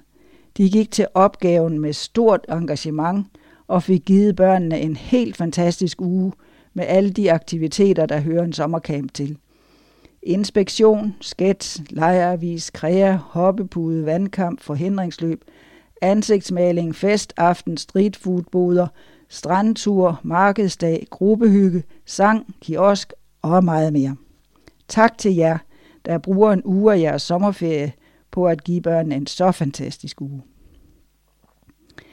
I år havde vi en helt særlig gruppe, som var på sommercamp for første gang. Stjerneholdet. De havde heldigvis Edison Berinda og Lisbeth Nielsen med som ledere, som hjalp dem med sproget og at forstå, hvordan man er på lejr her i Danmark. For de kommer alle sammen fra flygtningelejre i Kongo. De havde en fantastisk uge, og det var herligt at have dem med. Næste år kan de helt sikkert være med i helt almindelige grupper som de andre børn, for så har de lært sproget og ved, hvordan det hele fungerer. I år sagde vi farvel og tak til en helt særlig person, der har været med i længere tid, end hun helt selv har tal på. Inger Flint har i over 50 år været frivillig på børnelejr og sommercamp, og ingen ved, hvor mange plastre hun har sat på skrabede knæ, hvor mange hjemvetårer hun har tørret, eller hvor mange tallerkener hun har vasket op. Tak, Inger, fordi du har spillet en stor rolle i så mange børns liv. Nu skal du få lov at gå på børnelejrpension, men vi vil savne dig. Husk at reservere uge 27 til næste år, hvis dit barn er 7-12 år, for så gør vi det hele en gang til. Og hvis du har lyst til at få øh, den bedste sommeruge, så henvend dig til Sabus og spørg, om du kan få lov at blive leder. Og så har vi igen noget om, hvad er en familielejr. Og jeg kan fortælle, at dette års familielejr bliver onsdag aften den 18. oktober til søndag morgen den 22. oktober. Og tilmelding og mere info for sabus.dk, foredrag for de voksne ved Harald Gisebrecht fra Norge. Kender du den der hverdag, hvor man føler, at man lever parallelle liv med alle i husstanden, og så mødes vi og sover i samme hus hver aften? Alle har travlt med sit eget, hver sit sted – og har sjældent tid til at være ægte sammen i familien.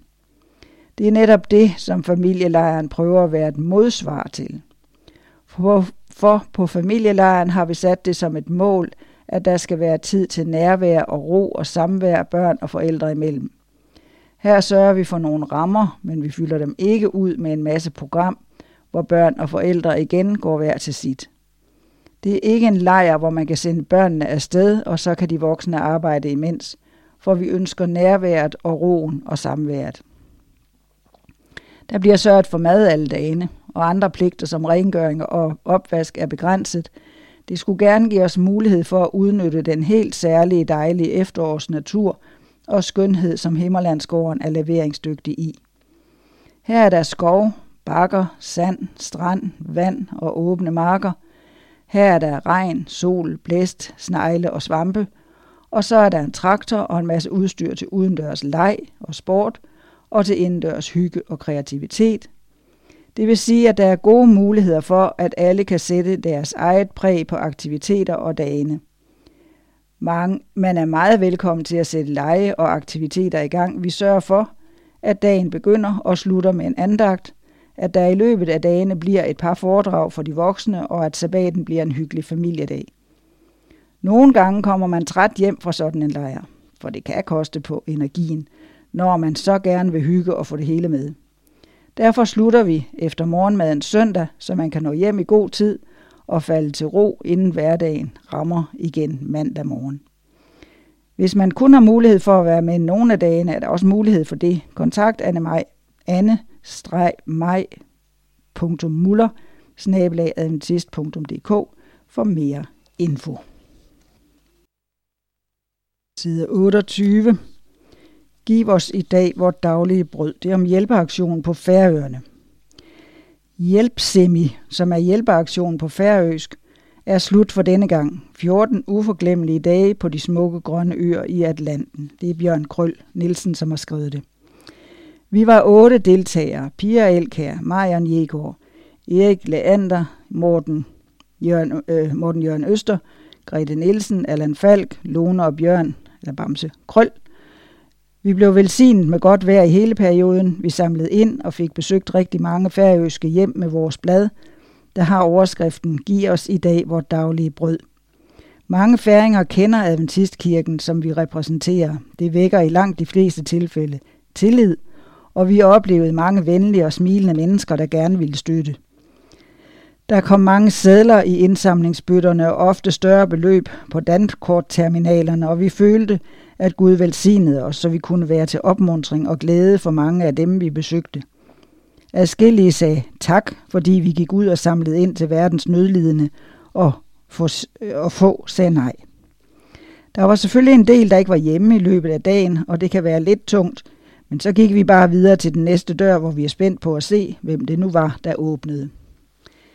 Et sted stod der en dame og var ved at rive i haven. Hun ville rigtig gerne give et beløb, men kom lige med indenfor. Det er min mor, der bor her, og hun vil også gerne støtte jeres indsamling. Jeg gik med ind og hilste på hendes mor, og de gav hver 200 kroner. Det var en opmuntrende oplevelse, og vi mødte alle sammen ind imellem nogle ekstra gavmilde mennesker. Der stod en mand og savede nogle lister ud i en indkørsel, og han var meget begejstret over, at vi gik og samlede ind til nødlidende. Jeg har selv været i Sierra Leone og hjulpet med at bygge et hus til hjemløse børn, og det er så vigtigt, at vi hjælper, hvor vi kan. Er det noget øh, nok, hvis jeg giver 500 kroner? Ja tak, helt bestemt. Men det største beløb, der blev givet, oplevede Marion den sidste dag, vi gik. Det sidste sted, hun besøgte. En ældre mand åbnede døren, og hun forklarede, hvem hun var og hvor hun kom fra, og manden sagde, at det ville han da gerne støtte. Han ville gerne give et beløb med sit dankort. Hvor meget vil du give? Manden svarede 5.000 kroner.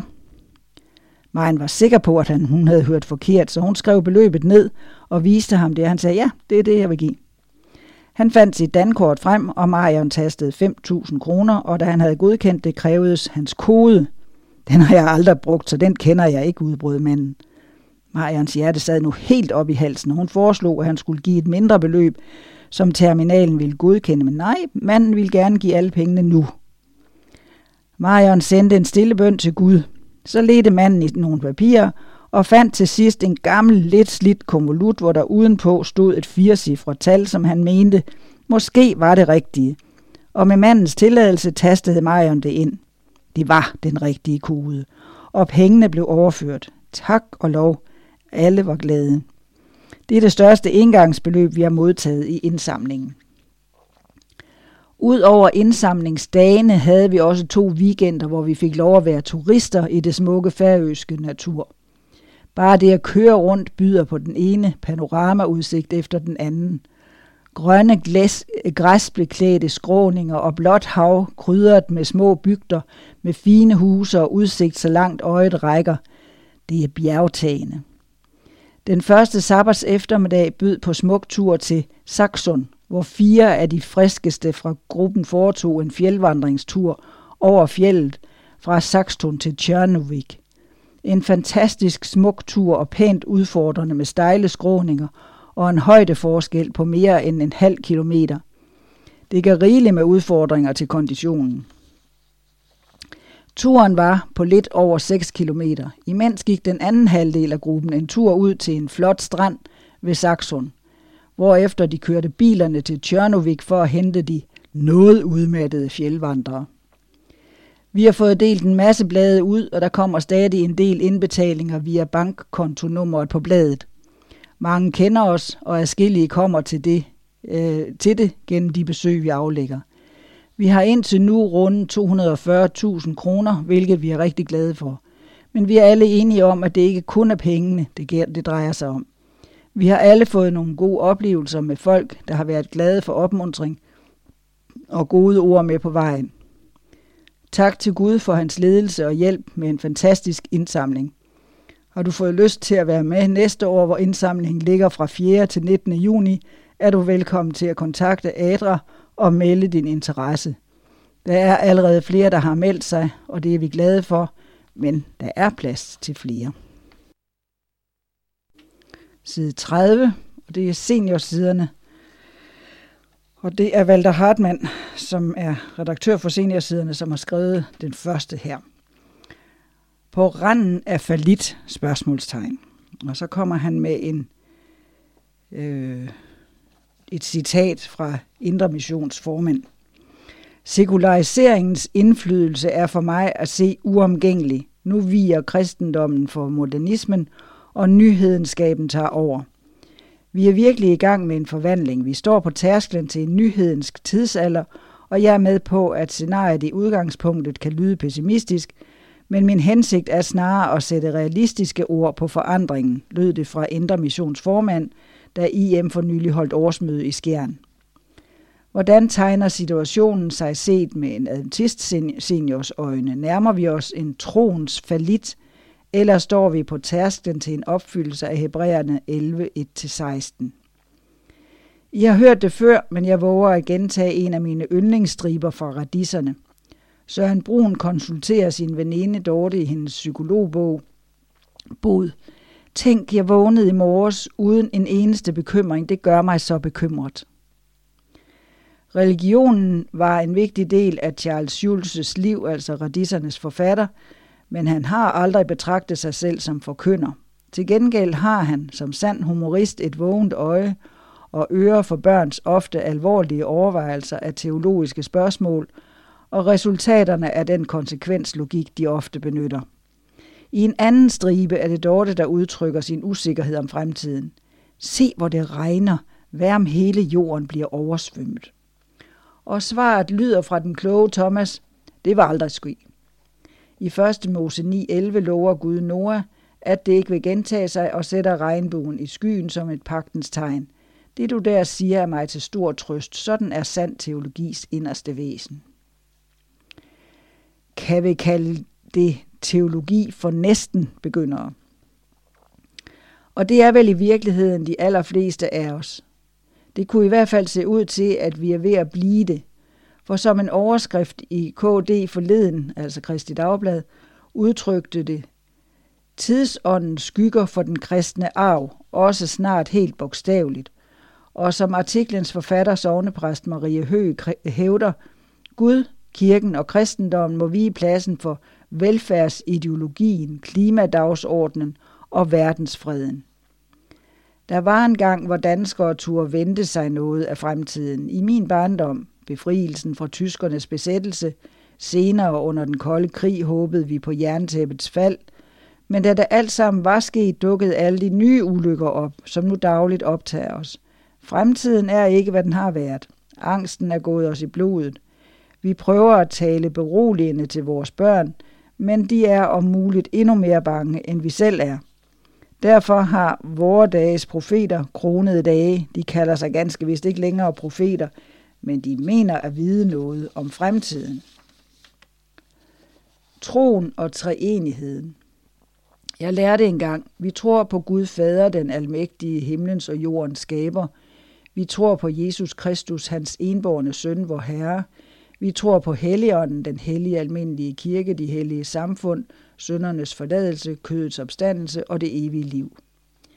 I dag mener en anden treenighed, altså SVM, at det med Gud har vigepligt. I dag skal man ikke tro, man skal vide, lyder budskabet fra en anden toneangivende tænker, Sam Harris. Vi har været alt for sene til at indse, i hvor høj grad religion er en garanti for menneskets umenneskelighed mod mennesket. Det er ikke overraskende, efter så mange af os stadig mener, at tro er en væsentlig ingrediens i tilværelsen.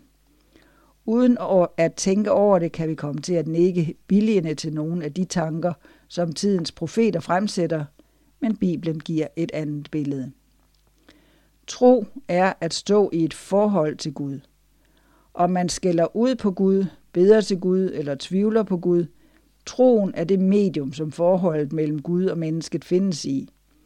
At være en kristen er ikke først og fremmest at opføre sig på en bestemt måde, men at leve i tro på, at Kristus siger os sandheden om Gud og om os selv. Gud giver håb, fordi han er det ultimative udtryk for betingelsesløs kærlighed, og lover at hjælpe os, når vi ikke har kræfterne eller evnerne til at leve op til idealerne. Som Hebræerne 10:36 siger det, I har brug for udholdenhed, så I kan gøre det, Gud vil, og få det, han har lovet jer. Der står jo i skrifterne, det var ikke længe. Ham, som vi venter på, vil komme, han tøver ikke. Vi hører til dem, der tror på ham, og derfor vil han redde vores liv. Vi oplever alle at blive ængstlige, og vi søger ved samtidig, vel, samtidig hen til nogen, vi kan stole på. Der er heldigvis mennesker, vi tør regne med, som vi stoler på vil gribe ind, hvor det er nødvendigt. Det gælder både små og store ting. Hvorfor skulle det være vanskeligere at tro på Gud og hans løfter? Hvorfor frygte for troens falit? Gud lod sin søn blive menneske, for at vi gennem hans liv og død tør have tillid til Guds trofasthed, også i den fremtid, vi ikke kan overskue, og når det gælder de ting, vi ikke kan se. Og så skal vi en tur med Marianne og Morten Øster til Heri. Traditionen tro har Marianne og Morten Øster benyttet forårsmånederne til at besøge landsbyhospitalet Heri i Tanzania. Vi har efterfølgende kontaktet de to for at høre nyt om deres engagement før, under og efter en sådan tur. I har snart taget denne tur nogle gange. Er det lige spændende at skulle afsted hver gang? Og kan det lade sig gøre at lægge faste planer for en tur til denne del af verden på forhånd? Naturligvis har vi planlagt, må vi planlægge turen i store træk, men vi ved aldrig, hvilke udfordringer vi møder undervejs. Denne gang måtte vi for eksempel på grund af terrortrusler i Dar es Salaam stige af i Kilimanjaro Airport, fortsatte med bus til Arusha og dagen efter fortsatte til Kiguma. Hjemturen i marts begyndte også med forhindringer, fordi et par dages kraftig regnskyld havde givet den første del af vejen næsten ufremkommelig, eller havde gjort den første del af vejen næsten ufremkommelig. Forhåbentlig er denne del asfalteret, når vi kommer i 2024. Marianne, da vi begyndte at høre om dit engagement i Heri, handlede det naturligt meget om tandpleje. I var medvirkende til at få indrettet og bemandet en tandklinik på Heri. Hvordan fungerer den klinik nu? Tandklinikken var en af vores skuffelser denne gang. Begge klinikker står desværre ubemandet i øjeblikket. Misano, som ellers har arbejdet der har en dental uddannelse, rejste til en stilling på en regeringsklinik i nærheden af Victoriasøen. Det var også på anden måde lidt trist at se klinikken igen. Der var kommet et hul i taget, så det havde regnet ind i klinikken. Det blev dog repareret, mens vi var der. Støtteforeningen betalte for reparationen. Nu venter hospitalet på, at Timothy skal komme og begynde arbejde som tandlæge. Han har gennem de seneste seks år fået tandlægeuddannelse på Filippinerne, og han får sin licens til december. Vi kan forstå, at jeres engagement i Heriborg Godeborg går på institutionen og dens fremtid, men også på at hjælpe enkeltpersoner til en bedre fremtid. Ja, og det var en stor oplevelse at se fremskridt hos disse, Dorcas og Sago, for eksempel som vi har hjulpet siden de var små, er nu ved at kunne klare sig selv. Dorcas har uddannet sig til skrædder og kan med en symaskine, som vi udstyrede hende med, både undervise andre i syning og har indrettet en systue, hvorfra hun kan betjene landsbyen. Vi besøgte også Baraka og Krian, der er forældreløse, men går i skole nær Victoriasøen. De klarer sig begge godt i skolen og bliver rost af lærerne. Som overalt i Tanzania er der dog også store udfordringer. Der mangler computere til undervisning, bedre soverum til eleverne og vand. Når I så er hjemme igen med jeres indsats, der bakkes op af mange sønderjyske kræfter, fortsættes, sætter på afstand, hvad skal der, sker der så på Heri, indtil I dukker op i marts 2024? I løbet af sommeren vil vandkraftværket gennemgå en gennemgribende reparation, og der er også planlagt udskiftning af dele af anlægget med solceller. Det er jo også Knud Lykkegaard fra Bredsten ved Vejle, der har fået Lions til at stå for solcelleanlægget, og senere de to patientbygninger for mænd og børn, som er nyopførte. Den sidste er ikke helt færdig nu, men under opførelse i øjeblikket. I hele juni måned har foreningen betalt rejserne for ingeniør Sten Mose Hansen, en pensioneret elinstallatør Hans Bertelsen fra Odense og ingeniørens søn Alex, der er IT-specialist, ud til Heri for at hjælpe Heri med problemer med deres vandkraftværk og deres solcelleanlæg, der ikke har fungeret det sidste halve år.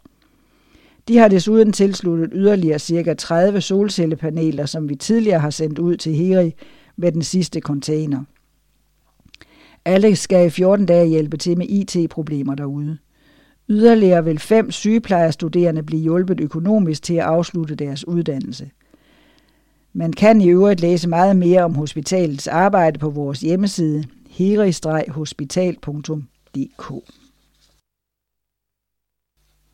Og så har vi øh, en reklame her. Alle veje fører til Rom.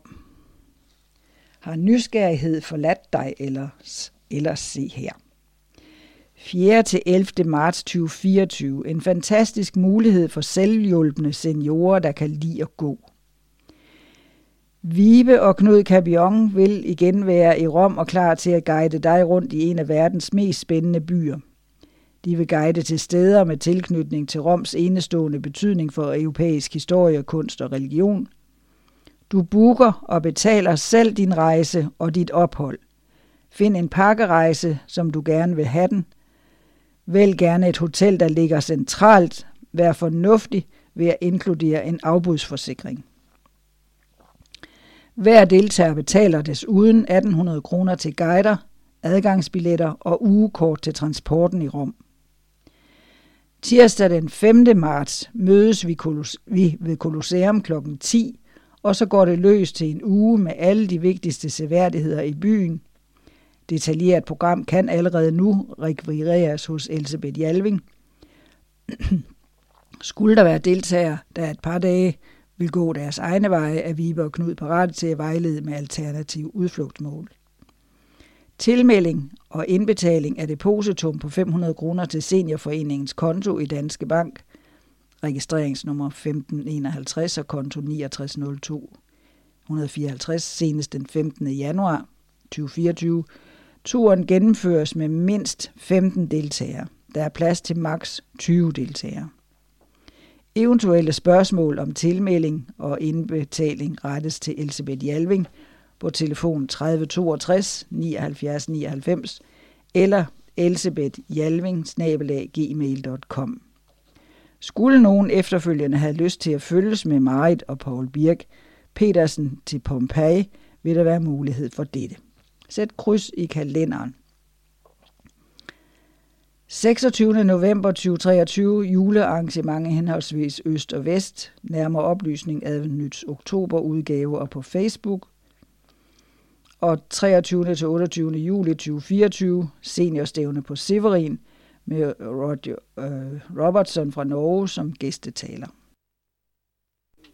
Side 34, og det er Vejlefjordsiderne. Og øh, det er øh, Vejlefjordskolen, som har del af, af internationalt projekt med fokus på planter, Future and Natural Heritage. Og det er Martin Schmidt, som underviser i fransk, tysk og psykologi, der har skrevet om det. Vejlefjordskolen kan til efteråret sætte sidste punktum i et meget spændende Erasmus Plus-projekt sammen med partnerskolen fra øh, Bergerac, i Frankrig, Manisa i Tyrkiet og Piazza Armerina på Sicilien og Kromeritz i Tyrkiet. Projektets tema, der satte fokus på, hvordan man i ens eget land drager positiv nytte af planter, gjorde Vejlefjordskolen til en vigtig medspiller med sin mangeårige erfaring med vegetarisk kost – de øvrige fire partnerskoler zoomede ind på andre ekspertiser med planter i centrum. Det fælles projekt bar titlen Future in Natural Heritage. Besøg Tjekkiet. Første udvekslingsbesøg fandt sted i Kromeritz i maj 2022. Her fordybede vi os i emnet planter og medicin, blandt andet ved at teste løgs og hvidløgs bakterielle egenskaber. Kolibakterier, streptokokker og stafylokokker blev nærstuderet i skolens laboratorier, og gruppearbejdet med vores tjek, tjekkiske, tyrkiske, franske og italienske studiekammerater var lærerigt og spændende både fagligt og socialt. Et besøg på Mendel University i Letnis, hvor der forskes i medicinske planter, skærpede vores opmærksomhed på, hvilke planter der er specielt øh, spiselige og hvilke planter der kun bruges til medicinsk brug. Et højdepunkt under denne udvekslingsrejse var Kromeritz, slottet og det smukke have, der siden 1998 har været en UNESCO verdensarv. Besøg i Tyrkiet. I januar i år havde vi igen mulighed for at rejse på EU's regning. Denne gang på til Manisa, en tyrkisk by, der ligger 45 minutters kørsel fra millionbyen Izmir. Denne gang var temaet planter og industriel fremstilling, og eleverne kunne her zoome ind på planternes betydning for industri og håndværk. Dette i øh, lejende og meget lærerige undervisningsseancer. Vores tyrkiske værtsfamiliers gæstfrihed og gavmildhed var overstrømmende og efterlod et uforglemmeligt minde. Også besøget og rundvisningen i UNESCO's seværdighed, Efesos, en af de smukkeste oldtidsbyer i verden, og Jomfru Marias hus i nærheden af byen Selçuk var højdepunkter. Vi sluttede vores sightseeing-dag i Syringe, en lille bjerglandsby klemt ind mellem bjergene, kendt for sine mange krydderier, sæber og træfigurer. Ikke at forglemme, så bød vores besøg i Manisa på uforglemmelige oplevelser med fællesspisninger og aftener med traditionelle folkedanse og sange. Besøg på Sicilien. Sang og traditionelle danse stod også på programmet, da vi i marts landede på Sicilien og ankom til byen Piazza Armerina.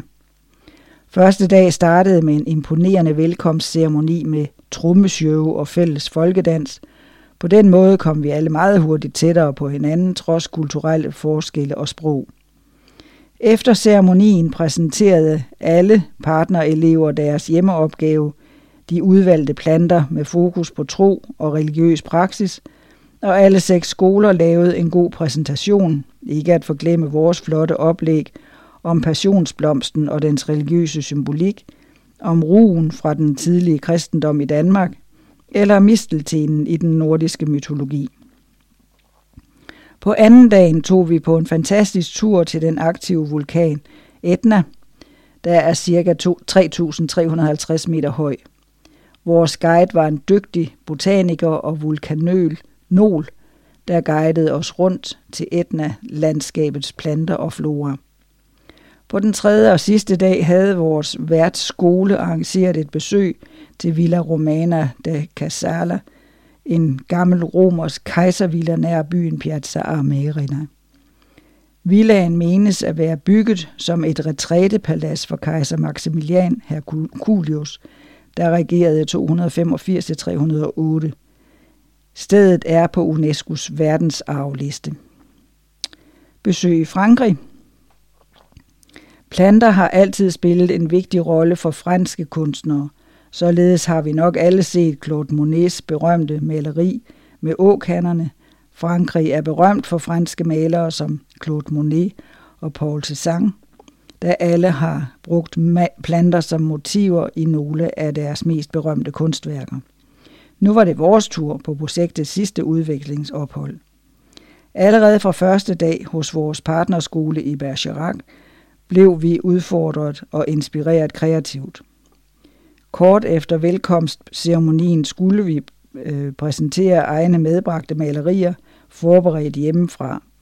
Det var en blandet oplevelse at se de mange forslag, og derfor så vi også frem til de mange akvarel-workshops, som var en fast medfølgende programpunkt under opholdet. Om det var i partnerskolens smukke by Bergerac, der er kendt fra den klassiske og tragiske fortælling om Cyrano, eller i slotsområdet i Baynac, en af de smukkeste landsbyer i Frankrig, også i Eurinak, smukke haver, der er kendt som sin unikke samling af kunstfærdigt formede planteskulpturer, var der mulighed for at sætte sig med pensel og skitsebog. Undervisningen i maleriets teknikker og farvevalg var meget behagelig og hyggelig, selvom der var forskel på vores kunstneriske ambitioner og skabertrang. Eleverne i Erasmus Plus-projektet besøgte også Danmark, hvor temaet var planter som fødevare. Dette besøg er nærmere beskrevet i en tidligere artikel i Advent Nyt i december 2022. Hvis du vil læse mere om vores oplevelser i forbindelse med vores Erasmus Plus-projekt, er du velkommen til at se på Vejlefjordskolens hjemmeside, hvor du også finder flere fotos.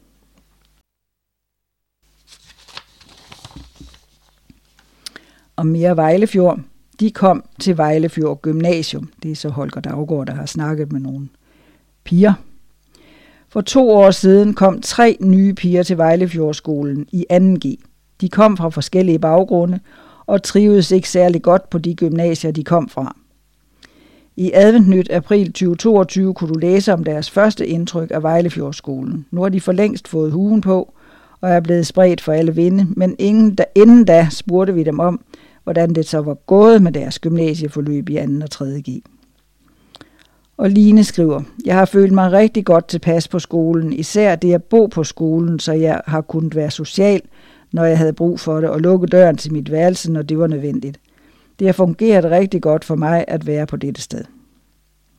Og Anna, jeg faldt hurtigt til ro og følte mig godt tilpas ved at være på skolen, men det var nok først i slutningen af 2G, at jeg rigtig kom til at lære folk at kende, selvom man faktisk hurtigt kommer tæt på folk. Jeg har gået på en efterskole i to år tidligere, og jeg kan mærke stor forskel på den gang og så de to år, jeg nu har været på Vejlefjord. Det er meget tryggere her, og jeg har udviklet mig meget. Og Line, jeg synes også, at der er en god atmosfære at udvikle sig i. Vi er selvfølgelig blevet ældre, men vi har også udviklet os sammen.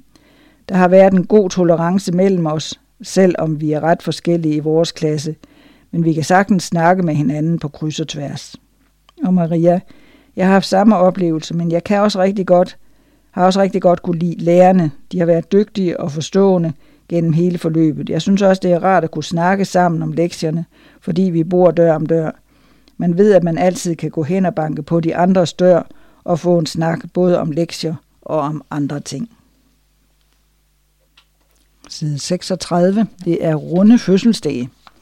Og så kommer der også nogle forskellige dåb og velsignelse og alt muligt hyggeligt. Men først så har vi de runde fødselsdag i september. Nilsine Hansen, eller Sine, i Frøop, 90 år den 16. i 9. Palle Friis Hedegaard i Hedensted, 85 den 4. i 9. Nand Lene Møller i Randers, 85 den 5. i 9. Torkil Greisen Faxe den 85 den 11. i 9. Grete Dueholm Virum 85 den 16. i 9. Vagn Pedersen Østervrå 85 den 25. i 9. Inge Marie Ålstrup Julesmine 80 år den 3. i 9. Helga Poulsen Møldrup 80 år den 11. i 9. Annelise Christensen Køge 80 år den 15. i 9. Bernhard Pedersen Hedensted 75 den 8. i 9. Kai Busk Græsted 75 den 20. i 9. Uni Holse øh, Hillerød 75 den 25. i 9. Kirsten Jensen Horsens 70 år den 6. i 9. Sten Roland øh, Andersen Slagelse 70 år den 17. i 9. Det var september. Så kommer vi til oktober, og der har vi en Ruth Edla Pedersen i Faxe 95 år den 26. i 10. Hans Pedersen Holstebro 95 27. i 10. Selma Maria Olsen Kollafjordur 90 år 1. i 10. Mogens Pedersen Køge 85 år den 4. i 10. Werner Hardy Jensen Hvidebæk 85 den 12. i 10. Johnny Kaspersen Hillerød 85 22. i 10. Doris Serine Jørgensen Østervrå 80 år den 12. i 10. Leila Hansen Østervrå 80 år den 31. i 10. Finn Dyrby Hermansen i København den 70 år den 4. i 10. Og Jette Henriksen Vedbæk 70 år den 18. i 10. Og så har vi nogle dåb her, i det I døber dem i faderens, søndens og helligåndens navn. Dåb og barnevelsignelse og optagelse i Randers. Det var en glædelig højtidssabbat den 17. juni, da tre unge gav deres liv til Jesus og blev døbt i Randers Adventkirke. Fra venstre Belize, Hopage, Ingabia fra Hinderup, Promes Iransi fra Grenå og Pacific Bismarck fra Hinderup. Alle tre har studeret Bibelen med Edison Berinda yderst, som står yderst til højre. Samme dag havde vi også den store glæde at barnevelsine Mir- i Isimbe på 10 år, Olga Ishimve på 6 år, og deres mor Mansa Dusabe blev optaget som medlem af menigheden. Vi takker Gud for dem alle og ønsker dem Guds rigeste velsignelse i deres vandring med ham. Og så er der Oscar. Sabbats eftermiddag den 17. juni var en helt særlig smuk og festlig dag, da Oscar Bæk valgte at blive døbt.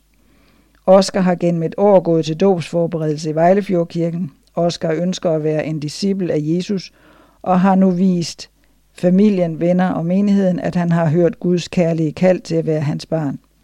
Sammen med faren, sønnen og helligånden glæder vi os over Oscars valg, og vi vil støtte Oscar og se, hvilke planer der er lagt for ham. Må vi være det opbyggende og udrustende fællesskab, Gud kalder os til at være. René Bistrup og Anne Maj Møller. Så er der Sifa, Joyce og Franchos. Så har der været dåb i Viborg menighed igen. Martine Sifa, datteren Joyce Muhosa og sønnen Francois mm, Monjansisa fra Skive blev døbt og optaget i Viborg den 3. juni 2023, hvor en fyldt kirke med mange gæster overværede den glædelige begivenhed. Edison Barenda har undervist dem på Kinyanvana, og Svend Hagen Jensen forrettede dåben. Vi byder velkommen, og Herrens rige velsignelse, Svend Hagen Jensen. Og endnu en dåb, det er Edith, omgivet af venner, familie og menigheden sabbaten den 27. maj, sagde Edith Christensen ja til at følge Jesus. Hun har længe ønsket at blive døbt, og det var en glæde at se hendes begejstring. Vi siger Gud tak og beder om, at Helligånden må udruste hende til tjeneste. Hun er nu det nyeste og yngste medlem af Lille Nørlund Menighed. Vi ønsker hende til lykke og hjertelig velkommen, Thomas Rasmussen. Og så har vi Keleshi Florens. Den 6. maj blev lige lille Kelesi velsignet i Slagelse Adventkirke. Vi ønsker Guds velsignelse for Keleshi og hele familien Nviak Ke. Det er Simon Rytman, der har skrevet det. Og så har vi Vilum. Sabbaten den 13. maj dannede Vejlefjordkirken rammen om Vilum Ehave Pedersens barnevelsignelse. Vilum er søn af Hanna Jacobsen og Jakob Petersen, der bor i Daggård. Vi bad for familien og menigheden som Guds varme og kærlige fællesskab med ønsket om, at Vilum kan vokse op og vide, at han er højt elsket Guds barn. Det var en festdag med mange gæster, lovsang, prædikenværende Maja Møller, smil og varme. Vi takker Gud for velsignelsen og det gode nærvær. René Bistrup. Og Laura Rebecca. Tilbage den 25. juni blev Laura Rebecca Kønsel Brogård fremstillet for Herren i Adventistkirken i Julesmine. Vi ønsker forældrene Joachim og Katarina Guds rige velsignelse og glæder os sammen med familie, venner og menighed over det nye lille barn, som får lov at vokse op i trygge kristne rammer. Svend Hagen Jensen. Side 39. Og det er reklamer for alle mulige arrangementer. Øh, først er det sammen vi gentager sidste års succes og har igen booket Lindenborg Efterskole ved Roskilde Fjord. Glæd dig til en dag i fællesskab på tværs af menighederne på Sjælland og Bornholm. Programmet starter med fælles morgenmad kl. 10. Det er en efterårsmøde den 30. september 2023. Åndeligt samvær, sang og musik, bibelstudier i temagrupper, aktiviteter for alle aldersgrupper, gudstjeneste ved Gunnar Petersen, hygge omkring den medbragte madkurv. Se mere på adventist.dk. Og så har vi syv uger med sabbat. 9. september til 21. oktober. Vær med til at sætte skub i en bedre samtale om hviledagen. Gennem syv sabbater i efteråret inviteres alle menigheder til at byde ind med aktiviteter og programmer, der har fokus på hvile, nærvær og fællesskab.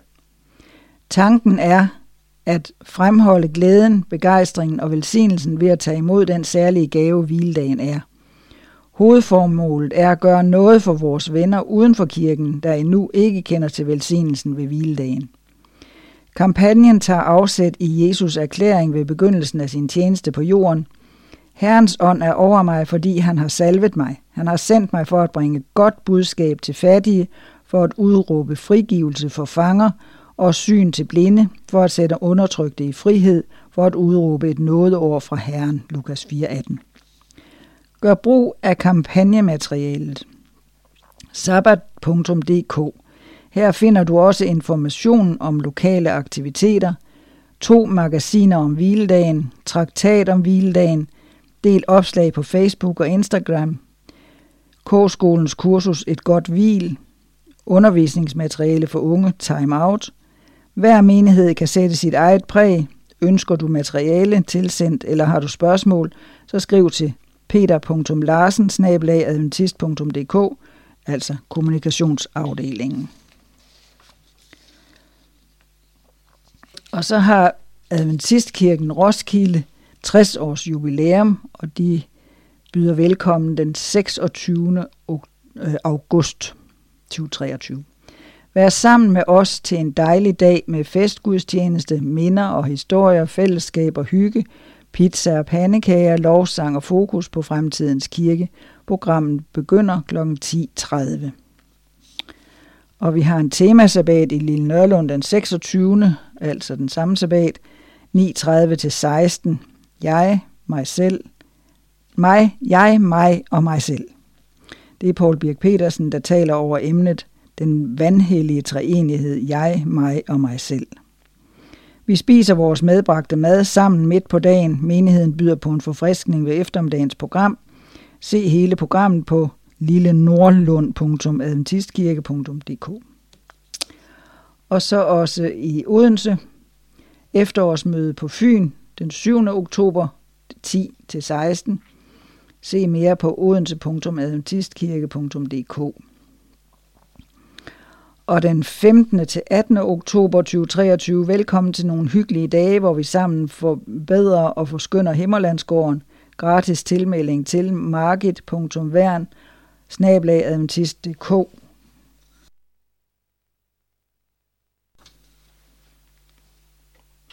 Side 41. Det er dødsfald. Personen skal lyde, og de døde skal opstå. Doris Petersen – Doris Petersen fra Køge Menighed sov ind fredag aften på sin 84-års fødselsdag den 7. april med den nærmeste familie omkring sig på sygehuset. Doris blev født i Nordrup lidt uden for Ringsted og var dygtig med både kroppen og hovedet. Som ung dyrkede Doris gymnastik, badminton, folkedans og håndbold på højt niveau. I skolen sluttede hun som den dygtigste elev, og kommunen tilbød familien 100 kroner, så Doris kunne fortsætte studierne, men hun kom i stedet ud at tjene som sine søskende. Doris mødte som 15-årig Mogens til et bal i Ejby forsamlingshus, og de har fået børnene Kirsten, Jette og Flemming, som i dag er blevet til ikke mindre end ni børnebørn og 18 oldebørn. En familie, som Doris var stolt af og elskede højt. Troen havde Doris også med sig helt fra sine unge år, hvor hun lærte fader vor og senere blev døbt sammen med Mogens af Arne Sandbæk. Doris uddannede sig til sygehjælper og blev ansat på Søndervang i 1977 – hvor hun indtil 1992 var værdsat og oplærte mange nye elever. Desværre satte fibromyalgi en alt for tidlig afslutning på arbejdslivet, som blev erstattet med banko og stor omsorg for den voksende familie. Æret være Doris Petersens minde, Michael Bistrup. Og så er der Paul Giro. Viborg Menighed har mistet en af sine unge medlemmer, da Paul Giro pludselig døde i en alder af 33 år. Paul blev født i DR Kongo den 20. januar 1990. På grund af uroligheder måtte han flygte sammen med familien til Rwanda i 1996, hvor de blev indkvarteret i Kibisa-lejren. 13 år gammel blev han døbt af pastor Jean Amour Masa Mana i Murum, Murumbi, Murambi og optaget i 7. dags menigheden. I februar 2010 blev han modtaget sammen med fire af sine søsken som kvoteflygtninge i Skive, Danmark, og blev optaget i Viborg menighed. Paul var dygtig og lærernem og gik hurtigt gennem det danske skolesystem. Han begyndte sin sygeplejeuddannelse i Rønne på Bornholm og afsluttede den i Viborg. Det var også i Viborg, han bosatte sig, og efter nogle år i lejligheden købte han hus på Gamle Randersvej. Kreativ og handlekraftig som han var, startede han to firmaer. Han var altid flink og hjælpsom og elskede sine søskende og deres børn. Han vil blive savnet af venner og familie. Vi takker Gud for håbet om at samles i den himmelske rige, hvor der ikke er sorg og savn. Ære være Pauls minde, Svend Hagen Jensen. Og så er der Bodil Lund. Den 10. maj sov Bodil Lund ind, 90 år gammel. Bodil blev født den 4. marts 1933 og blev bisat den 23. maj 23 fra Adventkirken i Nærum. Bodil efterlader sig sin mand Wagner Lund og tre børn, Hans, Junina og Elsa, fire børnebørn og ti oldebørn samt svigerbørn. Sønnen Jens døde i januar 2020. Bodil drømte for barndommen om at blive sygeplejerske på en afrikansk klinik. Den drøm blev aldrig opfyldt, men i stedet medvirkede Bodil til genopbygningen af hospitaler i Afrika. Bodil blev knyttet til Skosborg Badesanatorium som oversygeplejerske, og stedet blev base for hendes livsvirke. Aldrig glemte hun Skosborg og omsorgen der, og hun medvirkede til, at Skosborg fik en plads i historieskrivningen. Bodil skabte en utrolig historie gennem sit virke i nødhjælpsarbejdet i Afrika, hvor hun medvirkede til genopbygning af Spedalskhedshospitalet Masanga i Sierra Leone og genopbygningen af sundhedsvæsenet i Uganda i kølvandet på ødelæggende borgerkrige og folkedrab. Hendes historie kan læses i tidsskriftet Sygeplejersken nummer 8 i 2019 med titlen Bodil Lunds utrolige historie. Når Bodil så et behov, var det for hende et kald til handling. Bodil rummede en kærlighed uden grænser, som udsprang af hendes dybe tro på, at vi ikke er alene med vores liv. At Gud vil det gode, og han vil, at vi skal engagere os i at gøre godt. Bodil frygtede ikke mennesker. Hun så et glimt af Gud, og det gav hende et mod, der førte gennem alle genvordigheder. Må den tro, det håb, den omsorg og engagement, der brændte som en ild i Bodil, leve i os alle. Æret være Bodils minde, Gunnar Pedersen. Og så er der Elin Brikstein. Menigheden i Torshavn har mistet et kært menighedsmedlem. Elin blev født i Vågie den 6. februar 1933 som nummer to af en søskendeflok på syv. Elin hed Gerbo, før hun blev gift, og det var hendes mor Maria, som især påvirkede hendes åndelige liv. Hun blev gift med Hans Peter Brækstein, boede i bygden Velbastad, som døde, øh, bonde i bygden, som døde for nogle år siden. De fik fire børn. Elin arbejdede i mange år som medhjælper på et plejehjem i Torshavn og var meget velset, for hun havde altid et smil på læberne, som smittede af på omgivelserne.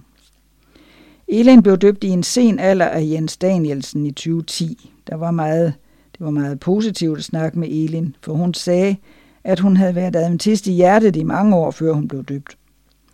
Elin stod fast på Guds ord i Bibelen og det særlige håb om Jesu genkomst. De sidste år tilbragte hun på et plejehjem i, Trondheim, i Torshavn, hvor hun døde den 28. marts i en alder 90, og hun blev begravet i bygden Kirkjubør. Æret være Elin Briksteins minde, Bergur Jensen. Og Sten Grønbæk. Sten Grønbæk blev født den 26. juli 1963 i Roskilde som den ældste af seks søskende. Som barn var Sten opvagt og videbegærlig, omsorgsfuld og handlekraftig. Efter ophold på Vejlefjordskolen videreuddannede han sig til murer, et job han udførte omhyggeligt – han havde altid et glimt i øjet, men han havde også en alvorlig side, og troen betød meget for Sten, og han delte, delte den gerne. Han traf norske Nina for 18 år siden, og i 2006 gav de hinanden deres ja. William blev født i 2010, og Andreas i 2012. Nina blev hjemme med børnene, mens Sten arbejdede. Hans sidste år var præget af sygdom og usikkerhed, specielt da Sten, Sten om sider fik diagnosen kræft med metastaser – Selvom Sten kæmpede tabert med Nina ved sin side hele tiden, gav kroppen til sidst op, og Sten sov stille ind på sygehuset i Tønsberg den 26. maj. Sten har hele tiden brugt enhver anledning til at dele sin tro og sit forhold til sin frelser, både til læger og plejepersonale. Han havde hele vejen igen en stærk tro og et håb. Han har et sat spor i manges liv. Den 5. juni 2023 blev Sten bisat fra Sandefjord Adventistkirke og undertegnet forrettet. Det var hårdt at tage afsked. Nina og drengene har mistet en god ægtemand og far for alt for tidligt. Ceremonien bar alligevel præg af håb. Nina fortalte selv, hvordan Gud hele tiden har været der for dem, og hvordan de har følt sig bort igennem en utrolig vanskelig tid. Vi lyser fred over Sten Grønbæks minde, Daniel Pæl. Og så er der lille Karina Mikkelsen. Lille Karina Mikkelsen sov stille ind torsdag den 8. juni på bostedet Klintebo i Kirkeby i Bornholm. Hun blev født den 4. juni 1970 hos Leila og Philip Mikkelsen. Da hun blev født tre måneder for tidligt, fik hun ikke det liv, som var tiltænkt hende. Som følge af iltmangel ved fødslen havde hun handicap, som gav hende et anderledes liv. Hendes barndom og trygge opvækst havde hun hjemme hos Leila og Philip, som gav hende et så godt liv som muligt. Hun var en glad og smilende pige og glædede sig især over dyr. Hun gik til ridning og svømning og var i børnehave og specialskole. Lille kunne lide at tegne og male, og i kirken satte hun pris på børnesabberskolen, hvor hun især glædede sig over sange som Deroppe i himlen og Jesu lille dam. Hun boede hjemme det meste af sit liv, men i august 2009 flyttede hun til Klintebo i Kirkeby. Her blev hun glad for at bo. Ved udgangen af 2010 døde hendes mor, men hendes far besøgte hende ofte, indtil han døde i oktober 2013. Hendes mors kusine Lilian Møller besøgte hende trofast hver 14. dag. Også hendes søskende Gitte Marie og Jesper kom på besøg. På det sidste blev hørelsen og synen dårligere. I begyndelsen af juni var hun med på tur, men blev dårlig. Hun blev indlagt på Bornholms sygehus. Det blev det sidste. Lille sov stille ind i troen på, at hun var et af Guds små lam. Nu hviler hun ind til frelseren kommer og kalder på hende. John Pedersen. Og Ole Christian Nielsen blev født i Tegn den 10. august 1936, og han har boet i Tegn hele sit liv. Han har altid været et familiemenneske, da det betød uendelig meget for ham. Ligeledes betød menigheden, ja, budskabet alt for ham. Han blev uddannet murer i Røg og virkede med det i hele hans aktive liv. Nu kan man spørge, hvad har han efterladt sig? Jo, der er blandt andet flere skoler, som han har været med til at bygge. Det er også Adventkirken i Tegn, og her kan man glæde sig over den smukke væg bag talerstolen. Han var ikke bange for opgaver. De skulle bare løses. Han var hurtig, men samtidig omhyggelig. Alt skulle være så perfekt som muligt. Ole kunne også godt lide gamle biler. Den lyst lod han dog gå videre til sønnen Tom. De stod i en dag og manglede et sted til deres biler. Ole var blevet enkemand, og han ville spørge en god ven, Eivind Køller, om garageplads. Derfor ringede han til ham, men kom til at tale med Anne Lise i stedet. Samtalen endte med, at Lise blev inviteret på besøg med den udgang, at de blev mand og kone og har siden været et gæstfrit par at besøge. Ole begyndte at få det svært med at få tingene til at hænge sammen, og efter at have været på aflastning cirka en måned på Sønderbo, sov han stille ind fredag den 16. juni. Nu hviler han indtil frelseren kommer og kalder ham til sig på den store opstandelsesdag. Ære være Ole Nielsens mine. John Pedersen. Og Fritz Robert Jager. For god ordens skyld skal det meddeles, at vi er bevidste om, at Fritz Jagers bortgang allerede er kendt af mange – Alligevel er det på sin plads her i bladet at nævne et par ting om Fritzes lange liv og virke forskellige steder på kloden og i rigtig mange år. I adventistmenigheder i Holland, Danmark og på Færøerne. Fritz drog sit sidste suk sent om aftenen den 10. april, kort efter sin 80-års fødselsdag. Han blev bisat den 17. april fra en fyldt Ringsted Adventistkirke med mange smukke blomster og musik i hans ånd – i håbet om et snarligt gensyn, når Kristus kommer, Michael Bistrup. Side 43. Det er kollekter og kalender. Og det, vi har først en kollekt fra september måned, og det er Kai Flinker, der skriver det i Vejlefjordskolens elevfond, der bliver optaget den 2. september. Husk Vejlefjordskolens Vejlefjords elevfond på jubilæumsdagen den 2. september. Vi ved, at Vejlefjordskolen ligger højt i mange adventisters bevidsthed. Herom vidner mange gentagende op, øh, bakken, mange gentagende opbakning, når vi kalder sammen til jubilæum, som i år falder den 2. september, eller samler penge ind til vigtige projekter. Vejlefjordskolen oplever både op- og nedgangstider. Lige nu har vi meget brug for al den opbakning, vi kan få. Vi oplever stor søgning til efterskolen, men er udfordret på elevtallet i gymnasiet og grundskolen. Derfor har vi også brug for penge til vores elevfond, så vi aldrig behøver at sige nej til elever. Heller ikke, selvom forældrene har svært ved at skaffe penge nok til et skoleophold på vores kostgymnasium eller i vores grundskole. Vi håber meget, at adventister og venner af Vejlefjordskolen over hele landet vil hjælpe os med en god gave til skolens elevfond. Det var Unionens kollekt i september. Så kommer Unionens kollekt i oktober, og det er Adra, katastrofeoffer for Adra. Og det er Maria Lykke Andersen, der skriver. Når menighederne hvert år samler ind til fordel for katastrofefonden, bliver pengene til velsignelse for medmennesker, der for eksempel mangler rent vand, mad, husly eller hjælp til at undgå smitte fra dødbringende virer. Senest sendte Ædre Danmark penge afsted til Indonesien, efter at en jords, et jordskælv havde havet landet. Men midlerne kan lige så vel gå til at hjælpe jordskælvsramte i Syrien eller krigsramte i Ukraine. Bidragene til katastrofefonden hjælper os til at kunne træde til med kort varsel, når katastroferne rammer.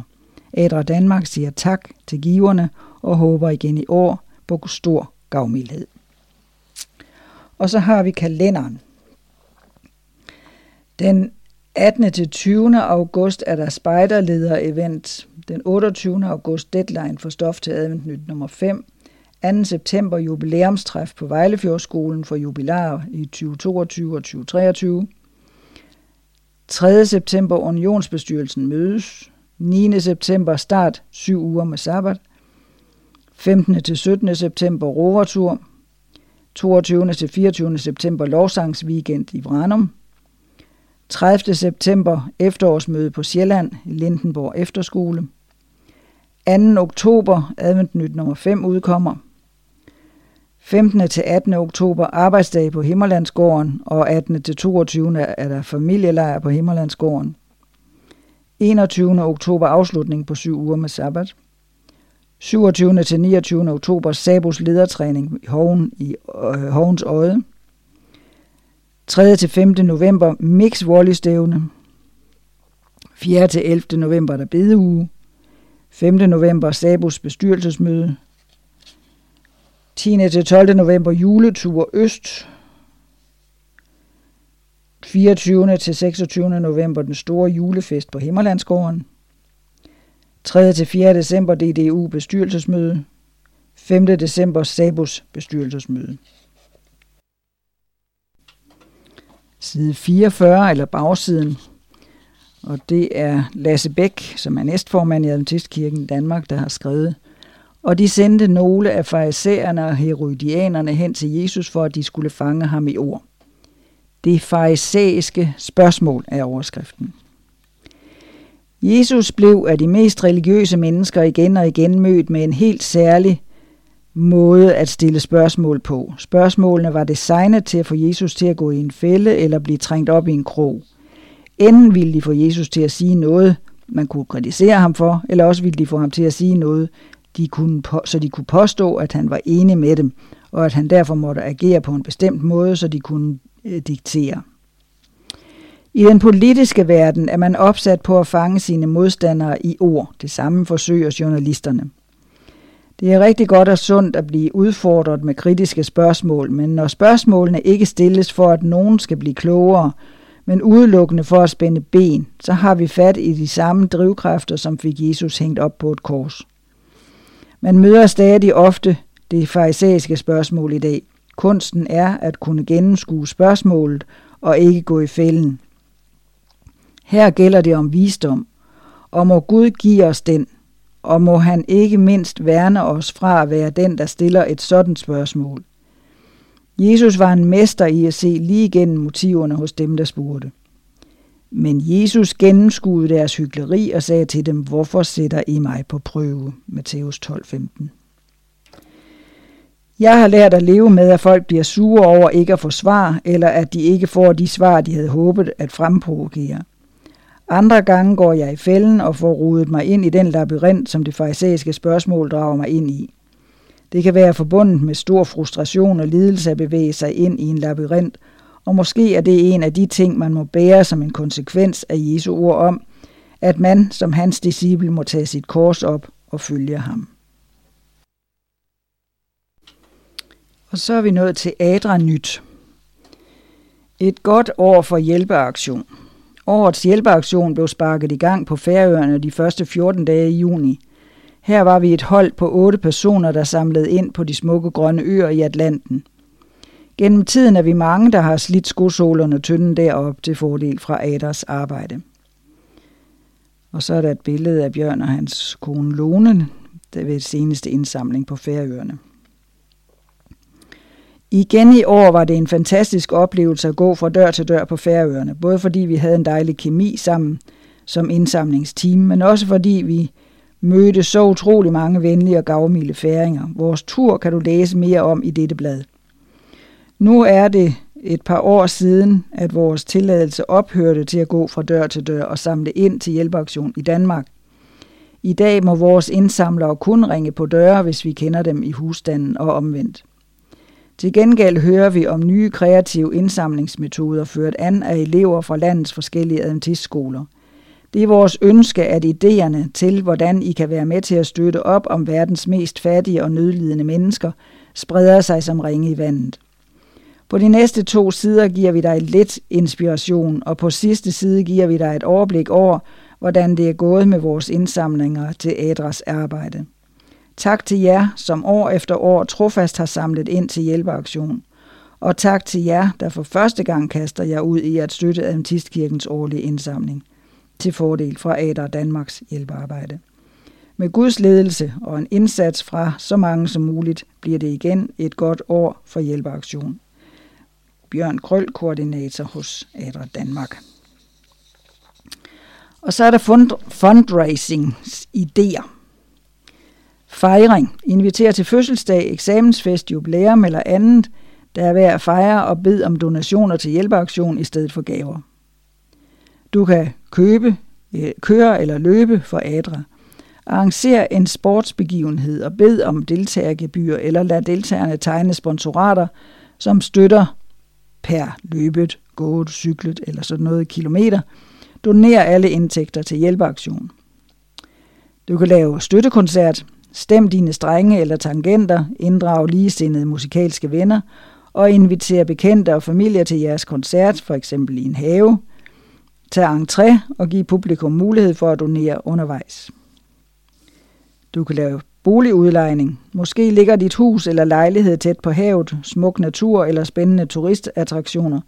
Lej boligen ud, mens du selv er væk på weekendophold eller sommerferie. Du kan også sælge brugte ting. Selv dit brugte tøj, legetøj, køkkenudstyr og andre funktionelle genstande fra din garage, fra bagsmækken af en bil eller fra en stand på et loppemarked. Eller du kan holde auktion. En persons uønskede genstande kan blive en andens gevinst. Arranger en auktion over dine egne og venners brugte ting, samt over produkter doneret af det lokale erhvervsliv. Begivenheden kan både foregå online og ved fysisk fremmøde, eventuelt udendørs. Foredragsaften. Perfekt til en kvindegruppe eller blot en samling gode venner. Lav en aftale med en gavmild oplagsholder og sælg billetter til en spændende og horisontudvidende caféaften i for eksempel kirken. Server lidt guf for ganen undervejs og doner indtægten. Du kan også lave kagebord. Hvis du elsker at bage, hvorfor så ikke samle andre med samme interesse for at arrangere salg af eksklusiv bagværk og kager – inviterer nabolaget til at nyde ved at yde til fattige og udsatte i syd. Eller bilvask. At rengøre andres biler indvendigt og udvendigt er en effektiv måde at indsamle penge på i dit eller i din kirkes nabolag. Slå dig eventuelt sammen med andre frivillige og etablere et vaskeområde på kirkens parkeringsplads. Fortæl om jeres service på Facebook og læg sædler i postkasserne. Eller madkurser. Mad, mad, fantastisk mad.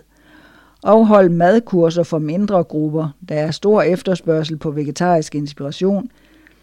Tag gebyr for deltagelse og del dine bedste opskrifter og køkkenfærdigheder med andre madglæde. Gør det selv workshop. Er du særlig færm til at kreere eller bygge noget med dine hænder, kan du lære det videre til andre, organisere en workshop, invitere venner eller naboer og tage deltagergebyr. Karaoke. Sælg billetter til en gala karaoke sangkonkurrence i din kirke, på din skole, gymnasium eller studiested. Inddel eventuelt konkurrencen i genre, så de syngende deltagere kan udfolde deres forskellige talenter. Ha' præmier klar. Temamiddag. En temamiddag kan give smil på læberne og tænde op under kreativiteten blandt venner og familiemedlemmer. Emnet kunne være en historisk periode, en fremmed kultur eller en farve. Gæsterne klæder sig ud, og retterne understøtter temaet. Gæsterne betaler deltagergebyr. Lav en film. Indspil en morsom, en alvorlig eller en tankevækkende film med et budskab, der kan få dine venner på de sociale medier til at støtte hjælpeaktionen. Opret en indsamling på øh, hdkbetternow.org og indsæt linket i opslaget på den platform, hvor du vælger at vise filmen. Hold foto- eller kunstudstilling. Kender du dygtige fotografer, tegnere og malere, eller er du selv færm med et kamera, en pensel eller en klump ler? Samle penge ind ved at åbne en udstilling med kunstværker, tage entré og holde auktion over værkerne. En spilleaften måske. Mange elsker at være sammen med andre om kort eller brætspil. Beslut dig for, om du vil inddele de entrébetalende gæster i hold, eller om folk skal spille mod hinanden individuelt. Lån spil på biblioteket. At lægge kæmpe puslespil kan eventuelt også være en aktivitet. Ha' et par præmier klar og selv enkelt mad, snacks og drikkevarer i løbet af aftenen. Det kan også være en talentaften. Samle, venner, studiekammerater, kirken eller hele dit kollegie til en aften, hvor alle kan udfolde deres forskellige talenter. De tre mest overbevisende artister vinder præmier, og publikum får sig en underholdende aften samtidig med, at alle har bidraget til hjælpeaktion via billetprisen. Lokale butikker og supermarkeder. Lav en aftale med en eller flere lokale butikker og supermarkeder om, at du må samle ind ved deres butik, eller at de donerer en dags omsætning til hjælpeaktionen. Mulighederne er mange. Og så har vi indsamlinger gennem foråret. Mange af jer følger med i, hvordan det går med Adra Danmark, og vi er så taknemmelige for jeres engagement. Derfor giver vi her et overblik over resultaterne fra de seneste indsamlinger til Adras arbejde. Årsmøde på Himmerlandsgården. Adra Danmark havde en stand i indgangspartiet til mødeteltet ved Adventistkirkens årsmøde. Her solgte vi softice og viste billeder og video for vores arbejde. Derudover arrangerede vi markedsdag, hvor årsmødets deltagere støttede op om Adras arbejde med salg af egenproducerede godter – kunstværk, loppefund, massage og meget andet. På årsmødet blev der således doneret over 67.000 kroner. Tusind tak til alle, der bidrog. Pengene går til byggeri af huse til flygtninge i Uganda. Og hjælpeaktion på Færøerne i juni. Færingerne er generelt utrolig venlige og gavmilde, og ved deadline var indsamlingen nået op på over 240.000 Midlerne går til at hjælpe mennesker i akut nød. Tak til indsamlerne og til giverne. Og så har der været støttekoncert i Cafékirken. Den 13. maj afholdt Cafékirken på Frederiksberg en støttekoncert til fordel for Adras nødhjælpsindsats i Etiopiens tørkeramte Somali-region. Rungsted øh, Gospelkor optrådte med smuk musik, og der blev indsamlet 6.470 kroner under koncerten. Af hjertet tak til kirken for arrangementet, og tak til jer, der donerede. Roskilde Private Skole. I maj og juni samlede Roskilde Private Skole ind til fordel for de børn, der er en del af Adras program i Syrien. Eleverne afholdt både markedsdag og sponsorløb, og optællingen ved deadline lød på utroligt 32.403 kroner. Fantastisk godt gået af skolens blot 99 elever. Citronmåner til fordel for Uganda. Hvert år deltager frivillige for Adra Danmark i Rudersdal Kommunes Hop og Rock, en festival med fokus på musik og fritidsaktiviteter for kommunens børn.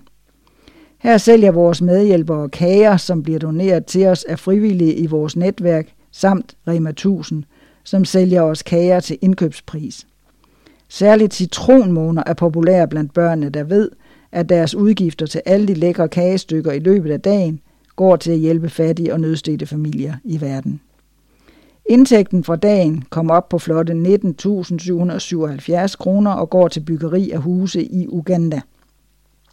Skulle du få lyst til at hjælpe til i boden til næste år, er du velkommen til at kontakte os på 45 58 77 00 eller på info på forhånd. Mange tak.